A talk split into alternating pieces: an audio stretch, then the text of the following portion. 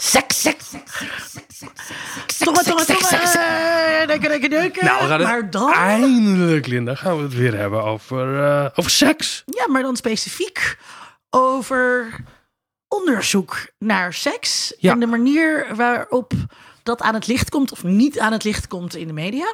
Ja, ik heb het idee dat er veel aandacht is voor dit soort onderzoek. Maar dat gaan we straks ook wel horen. En eh, jij bent natuurlijk ook wel erg goed ingevoerd in het onderwerp. Ja, Valt je nog wel eens dingen op als jij dingen leest over eh, hoe, hoe, hoeveel we seks hebben, of hoe vaak, of, of met hoeveel mensen, of wanneer we beginnen? Of... nee, dat weet, ik, dat weet ik natuurlijk allemaal wel. Ehm, Een aantal jaar geleden was er heel schokkend nieuws dat jongeren eh, een heel stuk later aan seks beginnen, namelijk een heel jaar later Ja, aan seks beginnen dan jongeren van vijf jaar daarvoor. Eh, wat heel mooi onderzocht is. Dat was wel schokkend. Eh, gelukkig had ik dat al net voor publicatie gehoord. Zodat Ja. ik daar al even over na kon denken. Omdat ik daar ook wel met veel media over heb gesproken. Maar dat was... eh, er gebeurt bijna nooit zoiets schokkends. Dat er echt zo'n soort trendbreuk is. Ehm, ehm, dus ja, nee, ik ben niet vaak geschokt. Jij? Ben jij wel eens geschokt eh, over? nou, eigenlijk, nee, ook eigenlijk heel weinig. En ik moet ook zeggen dat ik er niet heel erg gericht op ben als ik dat soort dingen zie. En mijn eerste associatie met seksonderzoek is ook wel de glossies. Met van die vragen, vul de testen in en weet wat voor minnaar jij bent. Of vaak minnares. Eh, dus dat soort onderzoekjes eh en, en glossies. eh, Ja. die je dan zelf kan doen, vooral. Om te weten. Nou, en over hoe en waarom we dat allemaal doen. Daar gaan we het uitgebreid over hebben. Deze podcast wordt mede mogelijk gemaakt door Code Clear. Duidelijk over websites en design. Vanuit Amsterdam is dit Onder Media Doctoren, de podcast waarin communicatiewetenschappers zich verwonderen over de media. Seks zelfs en media zijn dol op seks. Zorgen over te veel seks, zorgen over te weinig seks. De eeuwige vraag hoe je het beste seks en het sterke focus op wat dan normale seks is. Hoe vaak doen anderen het en hoe doen anderen het? Hoe verhoudt dat zich tot de seksuologie? Vandaag gaan we ons verwonderen over seksonderzoek of onderzoek naar seks en hoe dat dan in de media komt. En dat doen we met Juri Olrichs, seksuoloog en VVS. En jouw deskundigheid gaat over seksuele vorming en professionele communicatie over seks. En je bent werkzaam bij Rutgers, Heel goed. het Ja. kenniscentrum over seksualiteit. Helemaal compleet. Dat is een prachtige introductie toch zo allemaal Ja, elkaar. in één keer, Eén keer in één helemaal- keer, helemaal goed. VVS, want dat is het keurmerk begrijp ik. eh, ja, dat ja je een- NVVS, dat is eigenlijk de, of eigenlijk, dat is de, de wetenschappelijke beroepsvereniging voor seksologen. En eh, seksologen en ook eh, consulenten seksuele gezondheid, die moeten zich, om daar lid van te blijven, elk jaar, of niet lid van te blijven, maar die moeten zich elke vijf jaar herregistreren. En zijn, er ook veel beunhazen dan? Eh, Ja, er zijn ontzettend veel mensen die zich seksoloog noemen. En eh, soms met de beste bedoelingen. Ze komen ook vaak op tv. Eh, maar, We noemen geen namen. We noemen geen namen, maar heel vaak zit je met kromme tenen te kijken of te luisteren hoor. Dat je Vlaming moest zijn om seksuoloog te mogen Ja, ja, dat dacht ik ook. Maar gelukkig hebben we in Nederland ook een hele goede seksologen die niet uit Vlaanderen komen. Fijn. En ja, we zijn met, eh, bij de MVVS met meer dan eh, 600. Het is wel, het is, seksuoloog is dus geen eh, beschermde Nee. titel. En eh, ik zeg altijd heel nadrukkelijk erbij, ik ben geen eh seksuoloog. Ook om duidelijk te maken dat mijn expertise anders ligt. Maar ik zou mezelf dus wel zo mogen noemen. En eh, dus MVVS erachter, dat is dus ook wel een goede tip voor mensen. Als je dus op zoek gaat naar een seksuoloog, eh, omdat je seksuele problemen hebt... dan is het dus verstandig om een seksuoloog MVVS te zoeken. ja. Luister, ik denk, wat, wie hoor ik nou? Dat is mijn vaste mede-media-dokter, eh, dokter Linda Duits. Geen Ja. seksuoloog. Ehm Juri, we hebben je eerder gehoord in aflevering 93 bij Ja. ons over seksvoorlichting. Ehm, je bent nu onze hoofdgast. ja, Fijn dat je er hele bent. eer. Ja. Ehm, je vertelde dat je eh, seksuologie studeerde aan de UvA in de jaren 90. Je studeerde af in 93. Eh, wa- waar deed je toen onderzoek naar eigenlijk? Nou, ik, ik deed geen seksologie. Dat is de eerste eh, die- wat ik even moet rechtzetten. Ik heb eh, pas op latere leeftijd seksologie ontdekt. Toen was ik al afgestudeerd. Ik ben afgestudeerd in de communicatiewetenschap, eh, net als jullie, eh, aan de Universiteit van Amsterdam. En, mijn, eh, en dat is ja, met een, eh, beetje een gekke draai en eh, een, toch wel een actueel thema. Maar ik ben eh, afgestudeerd met een scriptie over de Russische televisie. Kijk, ja. En- en- ja, en, en het ging over cultureel imperialisme op de Russische televisie. Fietst zomaar die actualiteiten toch nog eh, ja, het toch komt zomaar bij elkaar. Ja, en ik ben, ik ben eh, toen, eh, ja, dat was eigenlijk, ik ben, ik ben in 93 En afgestudeerd. de titel was Rusland op weg naar democratie. Eh, eh, ja, houden we, ja, nee, nee, dat, nee, nee. Zo dachten we er toch in 93 over. Nou, dat was, ja, dat, nee, maar was wel interessant. Ik, ben, ik, ben, eh, ik, ik, ik heb een aantal verschillende richtingen gedaan bij, bij communicatiewetenschap. En eentje van was eh, internationale media eh, studies, geloof ik, heette dat toen, bij professor Hamelink. Ah, Ja. ja. En, Steeds. eh, ja, BK, ja, inderdaad, steeds. Ja. En, ehm, en, en ja, de, de muur was net gevallen eh, en eh, de Sovjet-Unie was net uit elkaar gevallen. En ehm, nou ja, je hebt allemaal van die hele interessante theorieën over cultureel imperialisme. Hè? De media en zijn Amerikaans-Engels en wat doet dat met de eigen cultuur in andere landen. Met name in Afrika waren er heel veel studies. Ja, en ik was toen benieuwd van hoe gaat het in Rusland? En dat was eigenlijk zo opgekomen tijdens een, een van die colleges. En toen ben ik met een studentenreis eh, een maand naar Moskou gegaan. En via heel veel toeval eh, kwam ik in contact met ehm Annemarie Vergaal, die dus net met Dirk Sauer daar de Moscow Times was begonnen.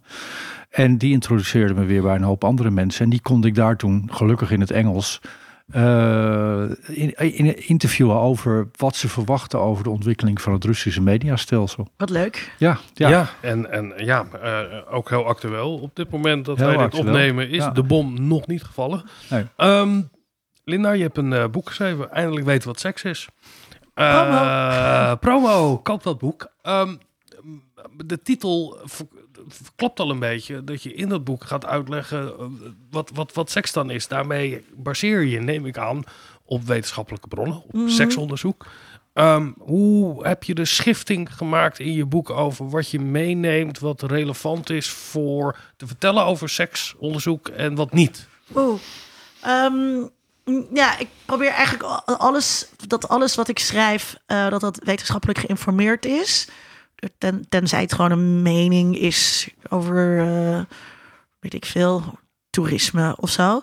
Ehm, en, en liefst dan ook natuurlijk ook wel liefst gebaseerd op wetenschappelijke inzichten. Maar ehm, dus, dus eigenlijk bij alle onderwerpen zijn, gaan wel ja, gaan over onderzoek. En, som, maar, sommige onderzoeken zijn ook heel onzinnig. Ehm, eh, ik heb natuurlijk ook heel lang columns over, over seks geschreven voor Folia. En eh, daar is wel een mooi voorbeeld. Een van mijn populairste columns qua kliks was eh, Pijpen is goed voor je zelfvertrouwen. eh, is de titel daarvan. En die was toen opgepikt door ehm, Geen Stijl. Eh, dus dan schiet het, lees het aan, aan zijn. En dat was nou echt zo'n voorbeeld Heeft van... ook wel een zekere clickbait gehalte. Eh, de titel, ja. ja. Ik ben niet voor niks geschoold in titels verzinnen door Bert Brussen. Maar ehm, eh, eh, dat, dat was meteen ook een voorbeeld van laten zien, zeg maar, wat, hoeveel onzinonderzoek er ook is. Ehm, want dan wordt dus gekeken naar nou ja, orale seks en dan dus eh, een aantal eh, persoonlijkheidskenmerken worden dan, wordt er dan naar gevraagd. En het was uit het onderzoek ook heel onduidelijk. Is het nou ehm, goed om orale seks te ontvangen of orale seks te geven? Voor je Ehm, zelfvertrouwen. voor je zelfvertrouwen. En, ehm, maar kijk, maar dat zijn ondertussen ook wel weer interessante dingen om op te schrijven. Dus ook als zo'n studie, als daar allerlei haken en ogen aan zitten, is het ook interessant om dat op te schrijven. En kijk, je kijkt het uiteindelijk natuurlijk. eh, hoe weeg je onderzoek? Ja, je kijkt naar waar komt dat onderzoek vandaan. Dus ik schrijf vrij veel over onderzoek van Rutgers, omdat je weet dat Rutgers goed onderzoek doet. Als het gaat om eh, internationale journals, ja, dan kijk je wat voor journal dat is en of dat een beetje standing heeft eh, of niet. En vaak, kijk, ik kan natuurlijk zelf gewoon heel goed onderzoek beoordelen. Ik review ook veel. Eh, je, je kunt natuurlijk gewoon duidelijk zien wat de, methode, wat de gehanteerde methode is en of dat zinnig is of niet. Ja, ik, we komen hier straks op terug als we het gaan hebben over het, het waarom van eh, onderzoek. Mm. Eh Juri, ehm, we hebben Rutgers al een paar keer genoemd. Mhm. Wat doen ze eigenlijk? Nou ja, Rutgers is nu het eh, expertisecentrum seksualiteit voor Nederland. En eh, ja, dat is bij de meeste mensen boven de 30, zeg ik er bij, nog bekend als de Rutgers Stichting. En daar, Dat ook nog steeds, ja, ja. ja. ja. en dat, dat is, nou ja, over media gesproken, je leest dat nog steeds terug, ook al heb je het tien keer anders gezegd. Ja. Dat is zo'n cultureel stukje erfgoed, denk ik, van Nederland. Maar goed, wat we, Rutgers nu doet, is vooral het uh, onderzoek, hè, de sociale wetenschappelijke kant van seksualiteit. Dus we doen uh, bijvoorbeeld samen met SOAIDS Nederland elke vijf jaar uh, seks onder je 25ste, wat een heel groot onderzoek is. Ook seksuele gezondheid in Nederland is ook zo'n onderzoek dat we regelmatig doen. Daarnaast ontwikkelen we websites, maar vooral ook trainingen en, en materialen om professionals te helpen met het geven van seksuele voorlichting. Dat deden we vroeger zelf, maar in 2000 stopte de subsidie. Die is gelukkig inmiddels weer terug, maar niet voor andere dingen. Uh, waardoor we dus niet meer naar scholen konden gaan om zelf voorlichting te geven. Want daar ben ik mee begonnen in 1995. Waarom is die subsidie toen gestopt? ja, dat is een hele discussie geweest toen. een van de argumenten was van ja, de, de voorlichting die, die, die kan op scholen en die kunnen ouders thuis doen. Ehm, en ehm, ja, eigenlijk, eigenlijk ook eh, veel meer uh, seksuele advies en informatieverstrekking uh, door de huisarts. En dus de, de, de, de Rutger Stichting, waar je dus terecht komt met al je vragen, maar ook hulpvragen hè, voor seksologen, maar ook anticonceptiemiddelen. Ja, dat was allemaal een beetje, een beetje uh, overdon. Was het ook het idee dat het al klaar was dan misschien? Ja, dat, ik denk dat dat er ook meespeelde. En, en uh, er waren ongetwijfeld ook nog andere politieke motieven. Uh, maar ehm, dat, dat speelde zeker mee. En nou ja, je ziet nu met de, de opkomst van Sense, hè, dat jongere informatiepunten bij de GGD over seksualiteit. en heel veel andere initiatieven die oppoppen, dat, dat het nog steeds uh, nodig is en moet. En gelukkig maar. En gelukkig weten ook heel veel mensen nog steeds Rutgers uh, te vinden. En, en ook andere deskundigen die uh, wat mee. Want hoe is dat? Want in de jaren negentig, toen jij erbij kwam, ja. was. Want ik ken het inderdaad nog als Rutgers Stichting als. Ja. ja. bijna een spreekwoordelijke referentie aan alles wat je wilde weten over seks. Precies. Dat zit bij de Rutgers Stichting. Ja, ja en, en toen ik erbij kwam, toen. ik ben aangenomen met een aantal andere mensen als voorlichter en die werden opgeleid intern om uh, op scholen, maar ook op instellingen voor mensen met een lichamelijke of verstandelijke beperkingen of ziekenhuizen of waar dan ook voorlichting te gaan geven. Uh, omdat ze in 1995 al wisten van nou in 2000 stopt de subsidie, dus die werd afgebouwd. En uh, dan hebben we mensen die het vak kunnen verder uitvoeren en ook meteen klanten kunnen werven. Want we moesten dus ook steeds meer geld gaan vragen. Het was altijd gratis. En ja, maar hoe kan het dan? Wat, wat was wat was het hoogtepunt dan van de, uh, wat nu Rutgers heet en toen Rutgers Stichting? Waarom werd dat in de jaren 80 of begin jaren 90 wel als noodzakelijk gezien? Nou, ik denk dat we in de jaren 80 natuurlijk uh, vanwege de, de, de HIV-epidemie, ja. uh, die, die, die noodzaak echt, echt gevoeld werd. En ja, ik kan mezelf herinneren toen ik nog in de, in de jaren 80 op de middelbare school zat. Nou, ik kende de Rutgers Stichting uit mijn Rijam-agenda en alle andere agenda's, die hadden een advertentie. Ja. En als je geluk had als puber, dan stond er ook nog wat blote plaatjes in maar die werd er steeds schaarser in de agenda. maar goed, in ieder geval, uh, je wist dat het er was. En, en, en toen waren er geloof ik over heel Nederland 60 Rutgershuizen. Dus je hoefde maar 10 minuten of een kwartiertje, misschien een half uur te fietsen en je was er. Het is maar heel erg in relatie tot, tot, tot, tot uh, de dreiging van seks. Nee, de, nee, nee, maar ook de, de, de voorlichting. Hè. Het was natuurlijk ook uh, helemaal in het begin uh, moest je daar lid van zijn om de pil te kunnen krijgen of anticonceptiemiddelen. Dan heb ik het echt over eind jaren zestig. Ehm, maar ja, en, en, en toen werd de, de, zeg maar de, de, de seksuele revolutionaire taak werd door de NVSA gedaan en de Rutgers ging zich op de hulpverlening en de vragen en de voorlichting richten. En ja, ja, het idee was, uh, even heel kort door de bocht, dat het hier in Nederland wel zo goed was dat het niet nodig was. Hè. We hadden de Double Dutch, we hadden de laagste tienerzwangerschappen ter wereld. Nou ja, noem maar op. Double Dutch? Ja, de, dus uh, de, de, de, zeg maar het gebruik van condoom en, en andere anticonceptie ter preventie van zwangerschap uh, was in Nederland uh, heel erg populair, omdat dat in, de, in, in, in het begin van de HIV-epidemie of pandemie uh, werd dat in Nederland voor het eerst gepromoot. Ja. Heel veel andere landen die gingen op condoompromotie over als, als, als enige middel om, om niets. Maar toen dacht iemand in Nederland die zei van ja, weet je wat, waarom noemen we niet meteen de pil erbij? En dan is het dubbel veilig. Ja. En zo is het in de internationale ja, voorlichters uh, zien of seksologie dubbel Dutch genoemd. Het is zo'n, het is zo'n raar uh, idee of een heel maf en idioot en dom idee om te denken dat voorlichting ooit eh, klaar is. Ja, precies. Omdat er, ik bedoel, elk jaar eh, staat er weer een nieuwe generatie jonge Mhm. Ja. mensen klaar. Ja. En, eh, en het is gewoon nog steeds zo dat er allerlei mythes bestaan onder jongeren. En dat jongeren steeds weer willen weten: kan je zwanger worden van een wc-bril? Ja, En, en dat hun ouders dat heel goed voorgelicht hebben gekregen, betekent niet dat dat, dat meteen Nee. ook doorgegeven wordt. Nee, en, en dat, dat verbaast me ook. Maar ik, ik werk ook inmiddels al eh, ruim 15 jaar internationaal voor Rutgers. Dus ik, ik zie ook dat de fabels en de mythes die hier in Nederland leven, die leven ook in heel veel andere landen. Alleen hebben ze soms een andere invulling of een, eh, of een kleur. Maar ehm, ja, het, het- weet je, de, ik, ik heb op een gegeven moment toen ik, eh, de- nou ja, toen ik, toen ik 16 was, las ik de hitkrant eh, met rode oortjes, want daar werd open over seks geschreven. Mijn ene over borst de is jaren groter dan 80. de ander. Ja, en, en, en, en eh, in eh, begin 2000, 2004 eh, beantwoordde ik vragen voor de breakout. Nou, dat was twee of één of twee generaties verder. Ehm, de vragen werden steeds explicieter.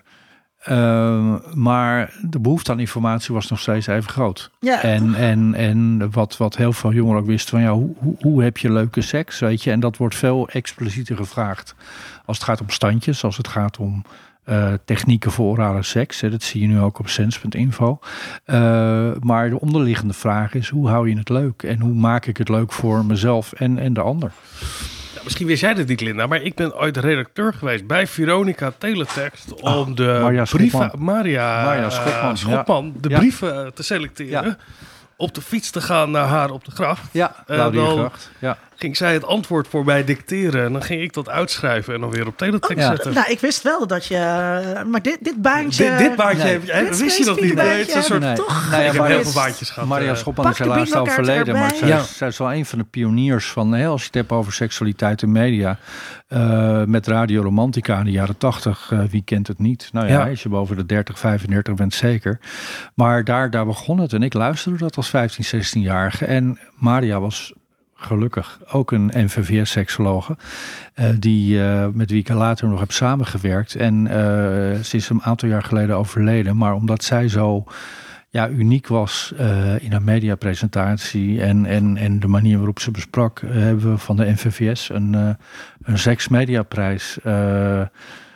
Nou ja, eh, als, als eerbetoon aan haar in het leven geroepen. De seksmediaprijs was er wel, maar nu krijgt degene die hem wint, en dat is elk jaar opnieuw. eh, nou, Linda, jij hebt een keer in de jury gezeten.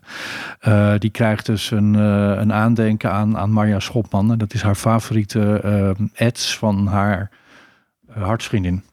En, Ja. eh, nou ja, en, en, en, en met elk jaar als we hem uitreiken, dan- brengen we haar toch nog even in Dit is toch echt voor de teletext-generatie, of je, of je dit weet. Nou maar ja, en, en, ik de, vond het vooral de radio, Radio Romantica. ja, ja, Ja. daarvoor nog. Ja, Ja. ja. nee, ik vond het vooral een ontzettende lieve vrouw. Ja, was het ook. Ja. Ehm, we hadden even, jullie hebben dat onderzoek naar seks onder je 25ste. Ja.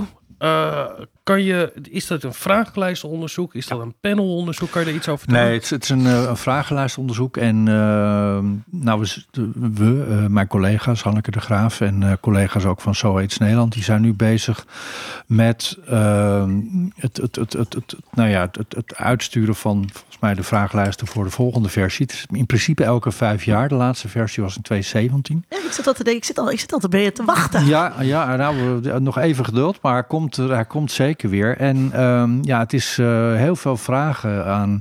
eh, nou ja, bij de vorige versie waren het meer dan 20.000 jongeren tussen de 12 en 25. Maar het is een soort censusonderzoek in de zin van dat je het eh, eens in de zoveel tijd herhaalt, waardoor je bepaalde trends kan gaan zien. Ja, ja, een heleboel vragen zijn hetzelfde, maar bijvoorbeeld zijn er nu ook veel meer vragen. En, en ik, ik weet het niet precies, want ik ben er een heel, heel, heel zijdelings bij betrokken. Maar eh, zijn er meer vragen bijvoorbeeld naar consent of naar bijvoorbeeld sexting? Hè? Want eh, in 2017, nou dan heb je het over de jongeren die 2016 tot 25 waren. eh was sexting nog niet zo. Ja, het was er wel, maar anders dan nu. En eh, eh, iedereen, eh, iedereen, de meeste jongeren hebben nu veel meer toegang tot een smartphone. Ja. En, en eh, kortom, dus dat soort vragen en ook, ook andere En online. consent is natuurlijk pas heel recentelijk zo hoog op de agenda gekomen. Ja, precies. Tenminste, het heeft natuurlijk al Ja. seksuele grensoverschrijding eh, is al veel eerder geagendeerd. Ja. de Tweede Golf natuurlijk al. Maar Ja. op deze manier die consentbenadering is gewoon Ja. echt nieuw. Ja. Ja, En klopt. als je terugkijkt, Juri, naar de afgelopen... Want je, je, je, hè, je bent al een tijdje lid van de club. Ja, ja. Welke eh, trends zie je? Want nu gaat het over consent. Het gaat over die Ja. nieuwe technologische eh, mogelijkheden die heel leuk zijn, maar soms ook minder leuk zijn. ja. Eh, wat voor trends heb je gezien? Nou ja, wat je noemde inderdaad al. Hè? Dus de, de, de invloed van de nieuwe sociale media, internet natuurlijk. Hè? Toen eh, begin 2000. Ik heb, ik heb ook jarenlang eh, met eh, een programma gedaan voor jonge zedendelinquenten. Eh, die kregen dan een taakstaf. En die, eh, een deel van die taakstaf was dan onder andere, ja, ik kan er ook niet eens helpen, 10 of 15 gesprekken van twee uur met mij. dus, eh, en dat was dan. Dat is werd heel interessant. ja, dat. ja, dat was fantastisch. En daar heb ik ook ontzettend veel over geleerd nu als het gaat om jongens en seksualiteit. Hè? Want dat is nu een, een thema wat ook heel veel extra aandacht moet. Dit zijn minderjarige jongens. Dit waren minderjarige jongens, ook af en toe eh, meisjes die een, een, een, onder de 18 zedendelict hadden gepleegd. En het varieerde van eh, nou ja, een, een, een hand op de billen tot inderdaad eh, groepsverkrachting. Maar wel met een veroordeling. Met een, met een veroordeling. En, en in het geval van de zwaarste delicten waren dit natuurlijk. Zat, er nog veel meer omheen dan die, die gesprekken Ja. met mij of, of mijn collega's. Ehm, maar daar zag je dus op een gegeven moment. Hè, dat was, ik, ik deed dat tot ongeveer 2006, 2007. Daar, daar, daar zag je steeds meer dat internet een rol daarin ging spelen. En dat was dan bijvoorbeeld echt het groomen via, via eh, wat was het ook alweer? Party Peeps of eh, hoe heet het, die, die dingen ook alweer. En, en MSN? MSN, ja, ja, noem het maar. En, en, en, ehm, eh, en, en dat was toen nieuw. En, en ja, wat je dus nu ziet is inderdaad het sexting, maar ook eh, ja, de toegang tot porno en eh, hoe, hoe makkelijk jongeren daarmee omgaan. Maar ook eh, ja, hoe beperkt het beeld van seksualiteit eh, daarin wordt geschetst. Hè? Dus, eh, dus, dus, en, en, en, en dat betekent dus dat je nu, omdat het zo makkelijk toegankelijk is, dat je dus extra aandacht moet besteden aan andere ideeën over seks om dat tegenover die porno te stellen. Kijk, het is niet verkeerd om naar porno te kijken, maar je moet wel realiseren dat het soms een heel vertekend en soms ook een zwaar geseksualiseerd beeld is, of seksistisch beeld bedoel ik, van, van seks. En hoe komt zo'n onderzoeksagenda, als je het zo kan noemen, eh, tot stand? Wie, hoe, hoe gaan jullie met elkaar bepalen van hier willen we meer van weten? Nou, dat gebeurt met alle gezondheidsbevorderende instanties. Hè? Dus zo aids Nederland. eh, maar ik geloof ook. eh, nou, ik, ik, ik weet het even niet zo gauw, want ik, ik, ik zit niet in dat stadium van het onderzoek. Maar die, die en alles, ja, stakeholders wordt dat dan genoemd. eh, die, die wordt gevraagd van, goh, waar willen jullie nu extra aandacht aan in het onderzoek? En, en nou ja, die worden dan eh, in het onderzoek verwerkt. Ehm, hè, zodat we, ja, als het onderzoek uitkomt, eh, heel veel informatie kunnen bieden die, waarnaar gevraagd is. Het is bijvoorbeeld, ehm, nou ja, weet je, eh, nu over consent. Van, nou ja, ik kan, kan me voorstellen dat er bijvoorbeeld vragen komen: wat heb je geleerd over consent? Of, of wat weet je over eh, nou, seksuele diversiteit? En dan heb ik het niet alleen over eh, LHBTI, maar wat weet je van panseksueel? Of, of weet je van dit? Hè? Hoe, hoe is die kennis toegenomen en hoe ga je daarmee om? Ja, Hè, want dat, ja. En, en, en wat is de methode van onderzoek? Is dat altijd dit soort vragenlijsten Ja. onderzoeken? Ja, het zijn vragenlijsten en die, die worden via scholen, eh, online eh, en, en op andere manieren worden die dan eh, naar jongeren uitgestuurd tussen de 12 en 25. Ja, Maar dat is voor het Seks onder je 25ste onderzoek. Rutgers doet ook aanvullend kwalitatief onderzoek. Ja. Dus het is niet alleen Oh, maar... ja, dat was mijn vraag. Ja, er ook, en, Ja. en, en, klopt. Ja, dat wordt ook kwalitatief. Ja. en wat voor soort vragen worden daarin beantwoord? Ehm, dat zou ik je eerlijk gezegd niet kunnen vertellen. Dat zou ik even moeten navragen bij Hanneke de Graaf. Dat is Maar de- wat, de wat, wel, wat wel leuk is bijvoorbeeld, zal ik hem even aanvullen? Ja, jij weet. Is, ehm, eh, Jij hebt de uit- nieuwsbrief, toch? Nou, Ja. ja. uit, dat, uit dat vorige seks onder je 25ste onderzoek, wat ik ook in de inleiding eh, eh, al aangaf, eh, daaruit bleek dus dat jongeren ehm, van, die, eh, van dat leeftijdscohort eh, een jaar later, een heel jaar later, Oh aan seks begonnen Oh ja, eh, dan. je. Ja. En dat eh, cohort, hoe ver liggen die uit elkaar? Eh, vijf jaar dus. In vijf eh, jaar wat jullie, tijd, Ja, ja. Wat, wat jullie zei. Ja. En eh, dus de leeftijd waarop, en dan moet ik het goed zeggen, de leeftijd waarop de helft van de jongeren voor het eerst penetratieseks heeft gehad. Mhm. Ehm, eh, is gegaan van 17,0 naar 18,0. En Ja. dat is, dat is dus echt een, een enorme uniek, ver- ja. vers- eh, verschuiving. Ja. Je kan namelijk geen ge- gemiddelde leeftijd hebben van ontmaagding. Nee. Want het onderzoek wordt gedaan onder jongeren onder 25ste. En daar zitten dus ook nog maagden tussen. Ehm, maar eh, dat kwam eruit. En toen was natuurlijk de vraag: goh, Ja. hoe komt dat? En Ja, dat wilden natuurlijk heel veel mensen eh, ze weten. dan. Ja. En ehm, eh, daar heeft Rutger Stom bijvoorbeeld kwalitatief onderzoek onder jongeren zelf naar gedaan. Van hoe denken jongeren zelf naar dat dat komt? Oké, ja, ja oké. Nou, ook, ik, ik dacht kwalitatief onderzoek voordat het onderzoek eh, gepubliceerd werd. Maar je bedoelt het achteraf de kwalitatieve... Ja, nee, maar je, hebt verschillende eh, methodes. En met Ja. verschillende methodes kan je ander soort vragen beantwoorden. Ja, klopt. Eh, ja. Nu ben ik wel benieuwd eigenlijk wat, wat daar dan uitkwam. Weet je, Nou ja- waar het over het hoe en waarom van later. Ja, nou ja, de- wat, wat, wat ik weet ervan is dat er, en dat, dat, dat, merk ik ook in mijn werk. En, en nou ja, als jij andere dingen daarover over hebt gehoord of gevonden, laat het alsjeblieft weten. Maar eh, dat, nou ja, dat, dat ze dus, eh, er zijn verschillende redenen voor. En die werken bij iedereen anders. Hè, want, want seks is eh, voor iedereen uniek. En, en, en, en, en, en iedereen beleeft en, doet het op zijn eigen manier. Uh, maar je, je kan dus niet zeggen van, nou ja, weet je, bijvoorbeeld de mobiele telefoon of de, de, de toename aan het kijken in porno hebben dus voor gezorgd dat iemand, dat jongeren later. Nee, je kan niet een monocaal. Nee. Dat, nou ja, dat zou Maar wel erg zijn de- als dat zo was. Maar Eh, een van de dingen zijn, is wel dat ze dus meer perfecte lichamen zien op eh, social media en op eh, waar, waar dan ook eh, gemanipuleerd, waardoor ze toch wat onzekerder zijn en wat, min, wat meer aarzelen om, om zichzelf bloot te geven. Dat is één verklaring. Een andere verklaring is dat er eh, jongeren, veel meer jongeren in Nederland opgroept, met, vergeleken met vorige generaties, die opgroeien in een gezin. Eh, of in een omgeving waar, waar bloot en seks wat, wat meer taboe is. Hè. Dat kan ook een reden zijn, waardoor ze misschien wat minder eh, snel eh, gaan. Maar je kan ook zeggen, jongeren weten beter wat ze willen en zijn ook geneigd later te wachten. Verlang- iets langer te wachten. Wat, Ja. Tot het moment zich aan niet waarop ze zeker weten, nu wil ik het doen. Want jullie doen, als je dat onderzoek hebt, maar ook voor jou Linda, als je, als je dat onderzoek leest, er, er ligt een, een, een feit, weet je wel, die, die 18.0.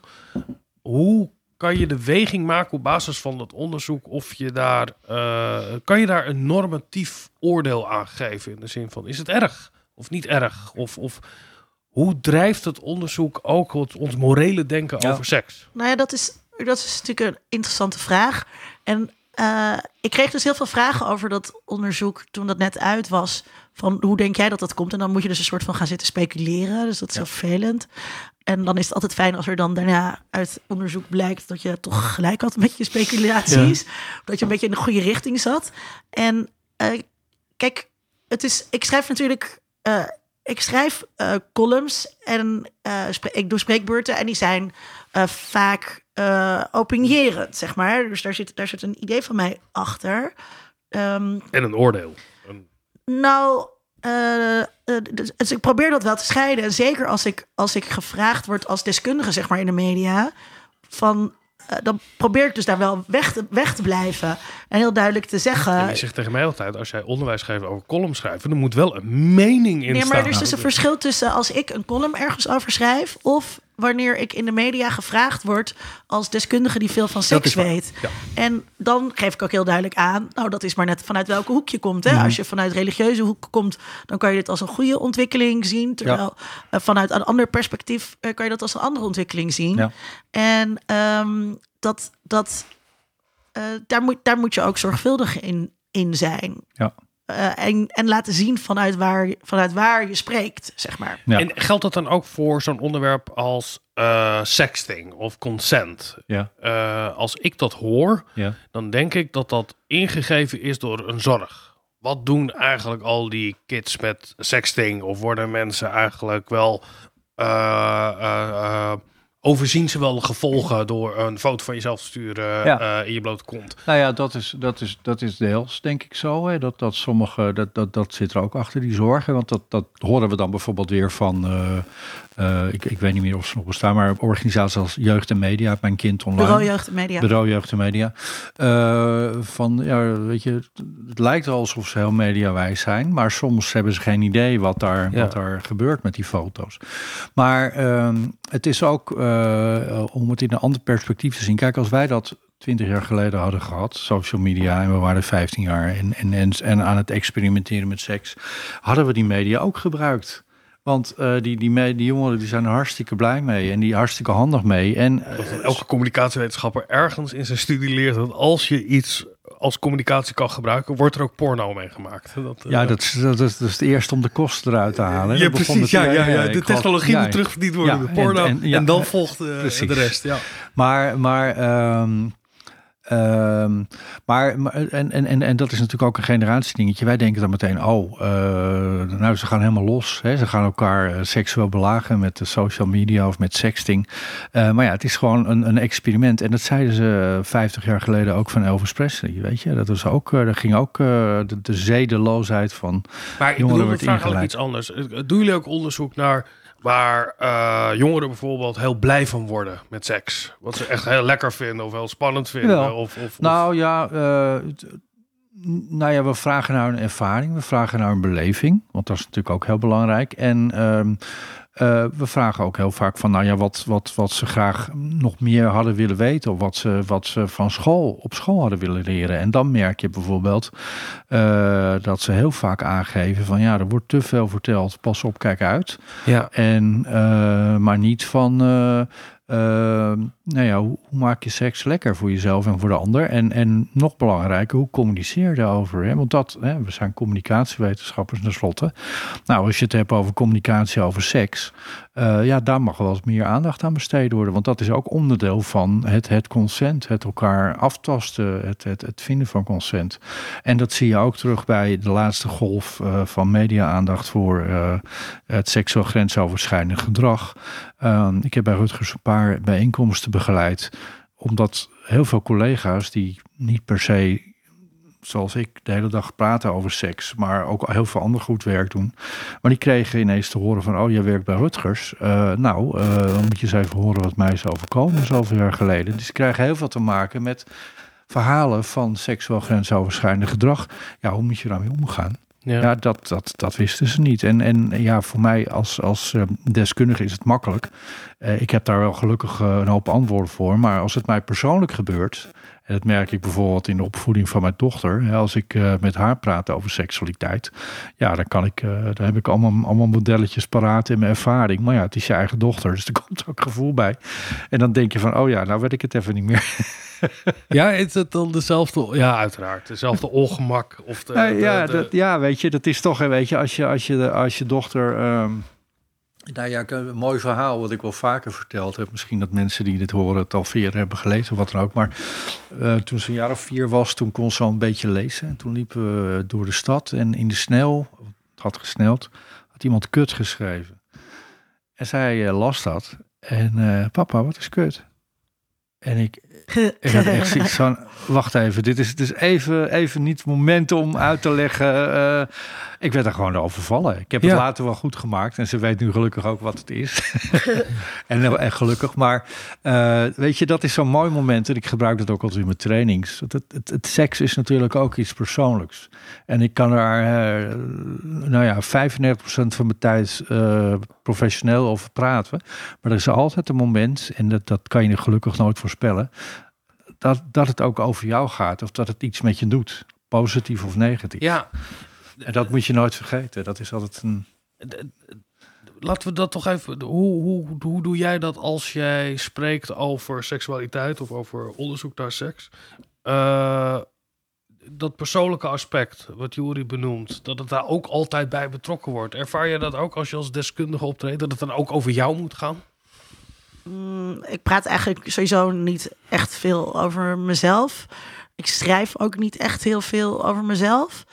Eh, een paar uitzonderingen daar gelaten tijdens corona en het singleschap, omdat ik dacht dat dat het krachtiger maakte. Eh, dus ik vermijd dat altijd eh, heel erg, omdat ik dat ook niet nodig vind. Ja, ja dat, dat snap ik. Maar Ja.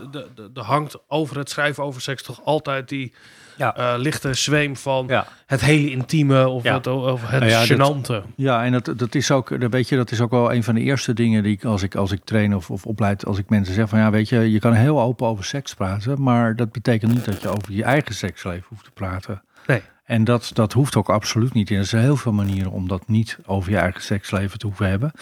Ehm, en het is interessant als je, als je dan kijkt naar seks in de media. Dat, dat, hè, als het gaat over mannelijke en vrouwelijke seksualiteit, voor zover je dat hè, eh, uit elkaar moet halen. Maar goed, dat is een ander verhaal. Maar als je dan kijkt naar, naar bijvoorbeeld, uh, ja, ik noem dan altijd Helene van Rooyen, omdat die gewoon bij de meeste mensen bekend is. Ja, die schrijft heel open over seks. Uh, en een van de dingen waar, waar ze heel vaak over vragen wordt gesteld. Terwijl als een man dat doet, ja, dan, dan weet je. Ja, dus dat geeft... daar, daar, daar zit een verschil in, dat snap ik. Uh, jullie doen het onderzoek, had Rutgers. Uh, ja. Jullie brengen dat natuurlijk ook uit. En dan, heb je, mm -hmm. dan komt dat in de media, of mm -hmm. dan worden jullie gebeld. Ja. hoe rapporteren de media allemaal? Maar hoe, hoe wordt daarover gerapporteerd? Wat zie je ervan terug?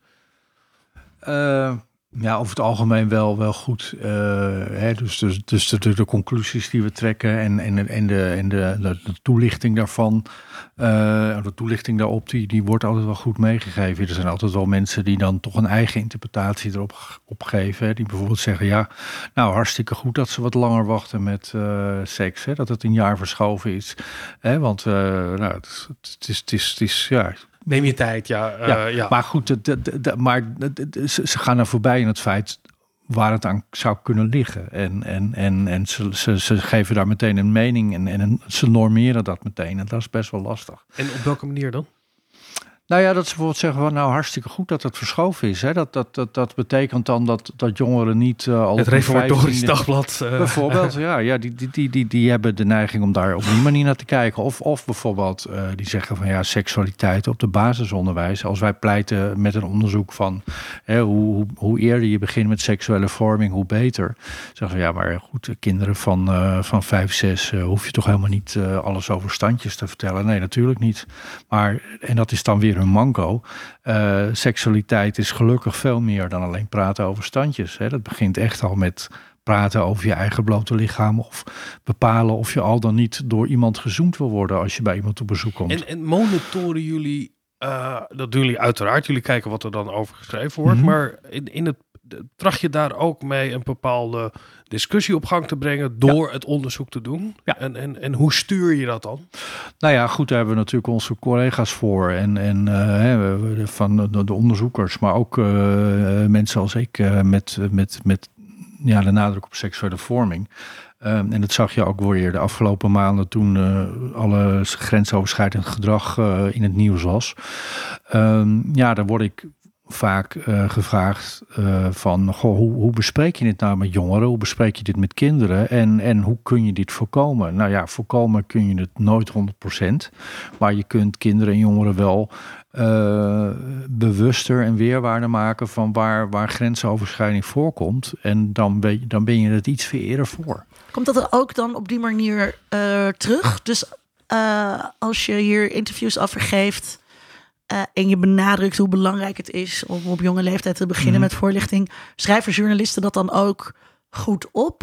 Of maken ze daar toch ook wel weer een selectie in van nou, dit antwoord vind ik interessanter dan een ander nou, antwoord? Ik, ik, merk, ik merk dat het vooral op televisie zo is. Dan moeten ze natuurlijk in kort moeten gaan. Dat ze daar wel, wel meer neiging hebben om te knippen wat interessant is. Ik zat ooit bij een tv-programma, had ik een heel, vond ik zelf interessant verhaal over. Uh, uh, wat, ik meemaak in, in verschillende culturen in het praten over seksualiteit en hoe dat op een leuke manier doet. En uh, daar was, uh, nou ja, op één zinnetje na was alles daar weggehaald, omdat ik, za ik zat in een programma met iemand die vanuit een islamitische achtergrond seksuele vorming gaf. En dat vonden ze op dat moment net interessanter. Ja. Nou ja, en dan, dan zit je dan. Uh, en en nou ja, ik had daar best wel uh, kritiek op, op wat diegene zei. Of nou, kritiek. ik had zoiets van, nou ja, weet je, je moet ook daar en daar aan denken. En, en, en je moet ook denken aan andere ideeën over seksualiteit. Want het was vrij van, nou, dit is de waarheid. En ja, dat, dat is goed. Maar ja, dat, eh, dat hebben, ze niet, hebben ze niet. Het enige wat ik zei, ja, je kan heel veel leren van andere culturen. Dat, dat, dat, dat was een beetje de strekking Ja. voor wat ze in het programma hielden. Nou ja, Ja. daar ben ik erg boos over Maar geweest, maar dat wel maak ik redelijk positief over als jullie iets uitbrengen, ook hoe je eigen deskundigheid wordt, eh, dat, dat er best wel ruimte is voor de, die nuance Ja. eh, op dit soort Ja, en ik denk dat de kracht is van, van, van eh, mijn collega's bij Rutgers en, en ook bij de NVVS. Kijk, wij zijn natuurlijk gewend om met mensen die ja, minder makkelijk praten over seks of minder weten van seks, eh, om, om, om het duidelijk uit te leggen. En, en eh, er zijn natuurlijk altijd uitzonderingen, mensen die hele theoretische verhandelingen houden, maar eh, de meesten die weten dat prima uit te leggen. En, en, en journalisten die pikken dat ook wel op. Alleen, alleen soms moet je wel bijvoorbeeld. Nou ja, ik, ik toevallig vandaag, vandaag een mooi voorbeeld van.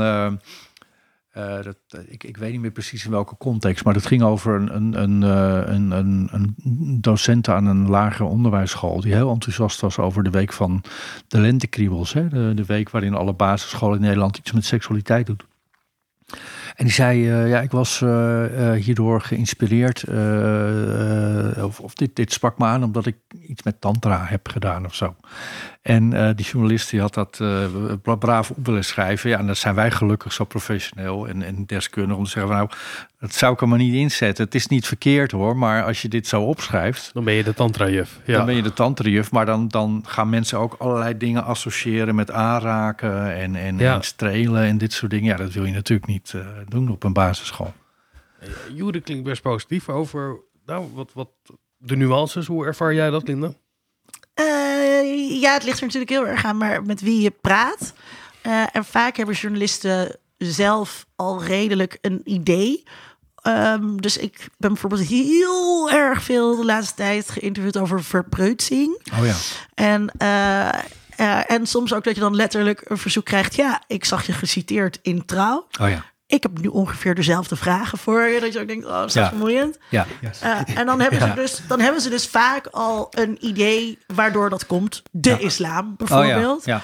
En dan moet je dat dus gaan eh nuanceren. Ja. Eh, ehm, Dat herken ik ook hoor. Maar dat is dus an- wat anders dan, dan eh, hoe ze wat je zegt in de media weergeven. Dat is Ja. echt wel heel Eh, Maar die nuance wat je aangeeft, die wordt dan wel weer opgepikt. Ja, maar daar Maar- moet je ja, heel hard ja, voor werken. Ja, maar dat moet, je dus, wel dat moet je dus wel, dat moet je wel, daar moet je wel alert op zijn. Ja. Ja, Eh, de- absoluut. dus dat. Maar mijn ervaring is eigenlijk wel eh, dat dit heel goed gaat. Ja. Dus ook als ik kijk naar eh, hoe, als ik zelf zo'n onderzoek heb gelezen van Rutgers en ik zie dat vervolgens terug in de media, dan zie je dat dat gewoon best wel goed gaat. Eh, Ja. ja. En, Ja. en- en is dat ooit anders geweest? Want ik, ik heb wel het idee dat. eh, jij refereerde al in de jaren 80, 90. Wij hebben er ook wel eens over gehad, Linda. Over dat eh, seks ook om. eh, daar zat een, een, een- Je kon de dood aangaan. Dat Ja. was de gedachte. Hè? Ik- Je moest ik het veilig doen. ik- eh, Ik denk dat we in Nederland, in de journalistiek in ieder geval, eh, toch wel, als het over dit onderwerp gaat, dat het, dat het heel belangrijk wordt gevonden dat de informatie correct is. Ja. En eh, betrouwbaar. En dat, en dat journalisten daar wel echt aandacht aan besteden. En dat er ook wel een bewustzijn is over normatieve kleuring. En dat wij dat in Nederland anders aanpakken. En wat Ja. dat betreft eh, ik, ik vind dat er ook heel veel seksnegatief dingen verschijnen in Mhm. de media. Heel veel als het over porno gaat bijvoorbeeld. Ehm, eh, maar eh, over het algemeen zijn, we, zijn die media wel redelijk progressief in openheid over seks. En is er wel een soort open houding ook van... Hè, jongeren gaan seks hebben, dus Ja. ehm, we gaan geen eh, abstinence, eh, gaan geen onthouding promoten of zo. Nee, nou ja, goed, je hebt natuurlijk wel de geluiden. Hè. Ik bedoel, die, die, die hebben we ook in Nederland. Die zeggen van ja, door, door jullie eh, we hebben in, in, in eh, eh, je aan- brengt mensen alleen maar op rare ideeën. Ja, ja, toch? precies. Dat, ja, eh, ja, ja. maar maakt slapende honden wakker. Ja. Dat, oh ja, als je het hebt Het is over... aangetoond als je met jongeren niet over seks praat, dat ze er niet aan Nee, beginnen. precies. toch? Ja, nee. dan, eh, Nou ja, en, dan denk ik van ja, dan zou het heel mooi zijn. Want als je dan over condooms gaat hebben, dan gaat iedereen naar de condooms, weet je. Dus dat, dat is ook niet zo. Maar goed. Onze vorige aflevering ging over gedragsverandering. Daar Ja. hebben we het hier niet over gehad. Maar dat is natuurlijk ook een mooie. Ja, Eh, je kan nog net zo vaak zeggen dat je een condoom moet gebruiken. Maar dan daadwerkelijk een condoom gebruiken in Precies. heat of the moment Precies. is een heel ander verhaal. Ja. Informeer jezelf ook eens over prep, beste luisteraar. Bijvoorbeeld, ja, bijvoorbeeld. Ja, Ja. inderdaad. Maar, maar, maar eh, om even ook, ook terug te komen op, op inderdaad de, de, hoe, hoe de media seks af en toe benaderen. Ja, er zitten natuurlijk, net wat jij zegt over die verpreutsing. Ja, dan denk ik ook van ja, dat is makkelijk geroepen. En er wordt vaak inderdaad eh, een geloof erbij gehaald. Maar mensen vergeten dan bijvoorbeeld die sociale media en die, die telefoontjes eh, waar je overal iedereen mee kan filmen met fotograferen. Dat heeft natuurlijk ook te maken. Dat, maar ik, ik zeg altijd, ja, het gaat niet om verpreutsing, maar mensen worden wat voorzichtiger. En, Ja, en, het, is, het is natuurlijk wonderlijk eh, dat er een, een, een, een, het, de, de zedelijkheid, om dat mooie jaren 50 Mhm. woord om maar eens te gebruiken, eh, nu als een zorgpunt wordt aangegeven. Weet je wel, er is verpreutsing. Ja. Eh, terwijl de, de gedachte altijd is, als het over seks gaat, dan is dat iets, dan gaan, dan gaan mensen vastzeggen, dat moet je niet doen of wat Ja. dan ook. Terwijl het dominante vertoog, om dat woord maar eens te Mhm. gebruiken, is, nee, seks is leuk en dan Ja. moet je je informeren, je moet Ja. ervan houden. Dus dat we ja, dat er, je zou kunnen zeggen vanuit het perspectief van de vroege jaren 60 tot nu, dat het heel goed is gegaan. Is dat een... Maar ik zeg, ik zeg, ik zeg vaak in zulke interviews.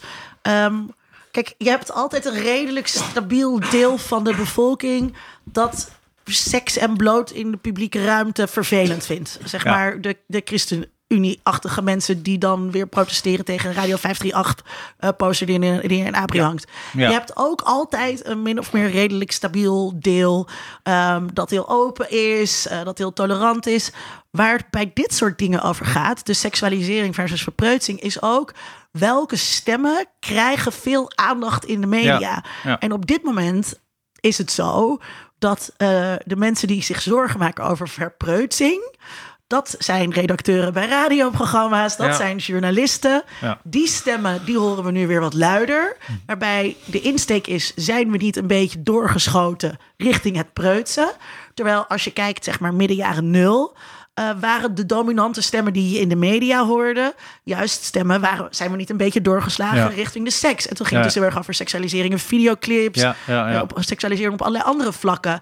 Ehm, dat zegt niet zoveel over de al dan niet preutsheid van de samenleving. Nee. En, en ook dan moet je dus heel goed gaan nadenken.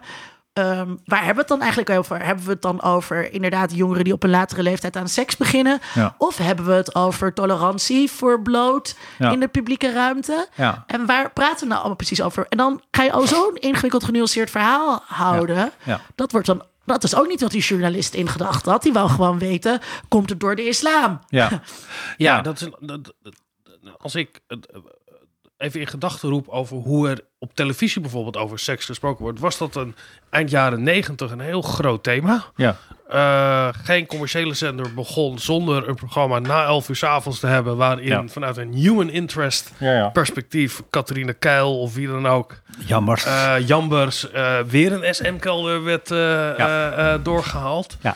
Ehm, toen was ook de discussie over seksuele verwildering en, en wat dat er al wel niet voor gevolgen had. Daarvoor had je de, de pin-up club, kan ik me ineens herinneren. Cheer you up. ja.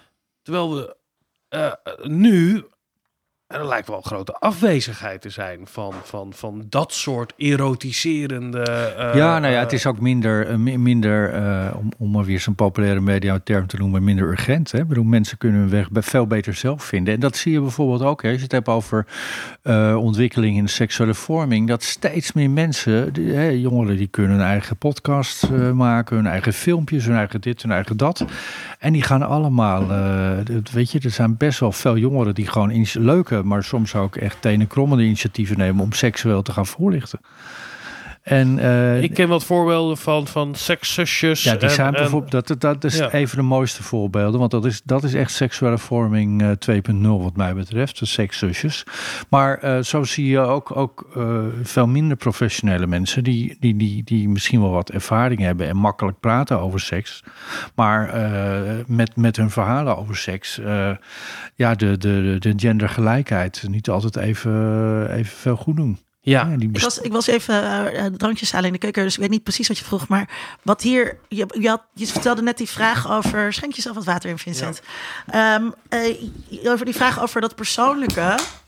Ehm, dat eh, eh, Vincent loopt hoestend de kamer uit. Wordt op te persoonlijk.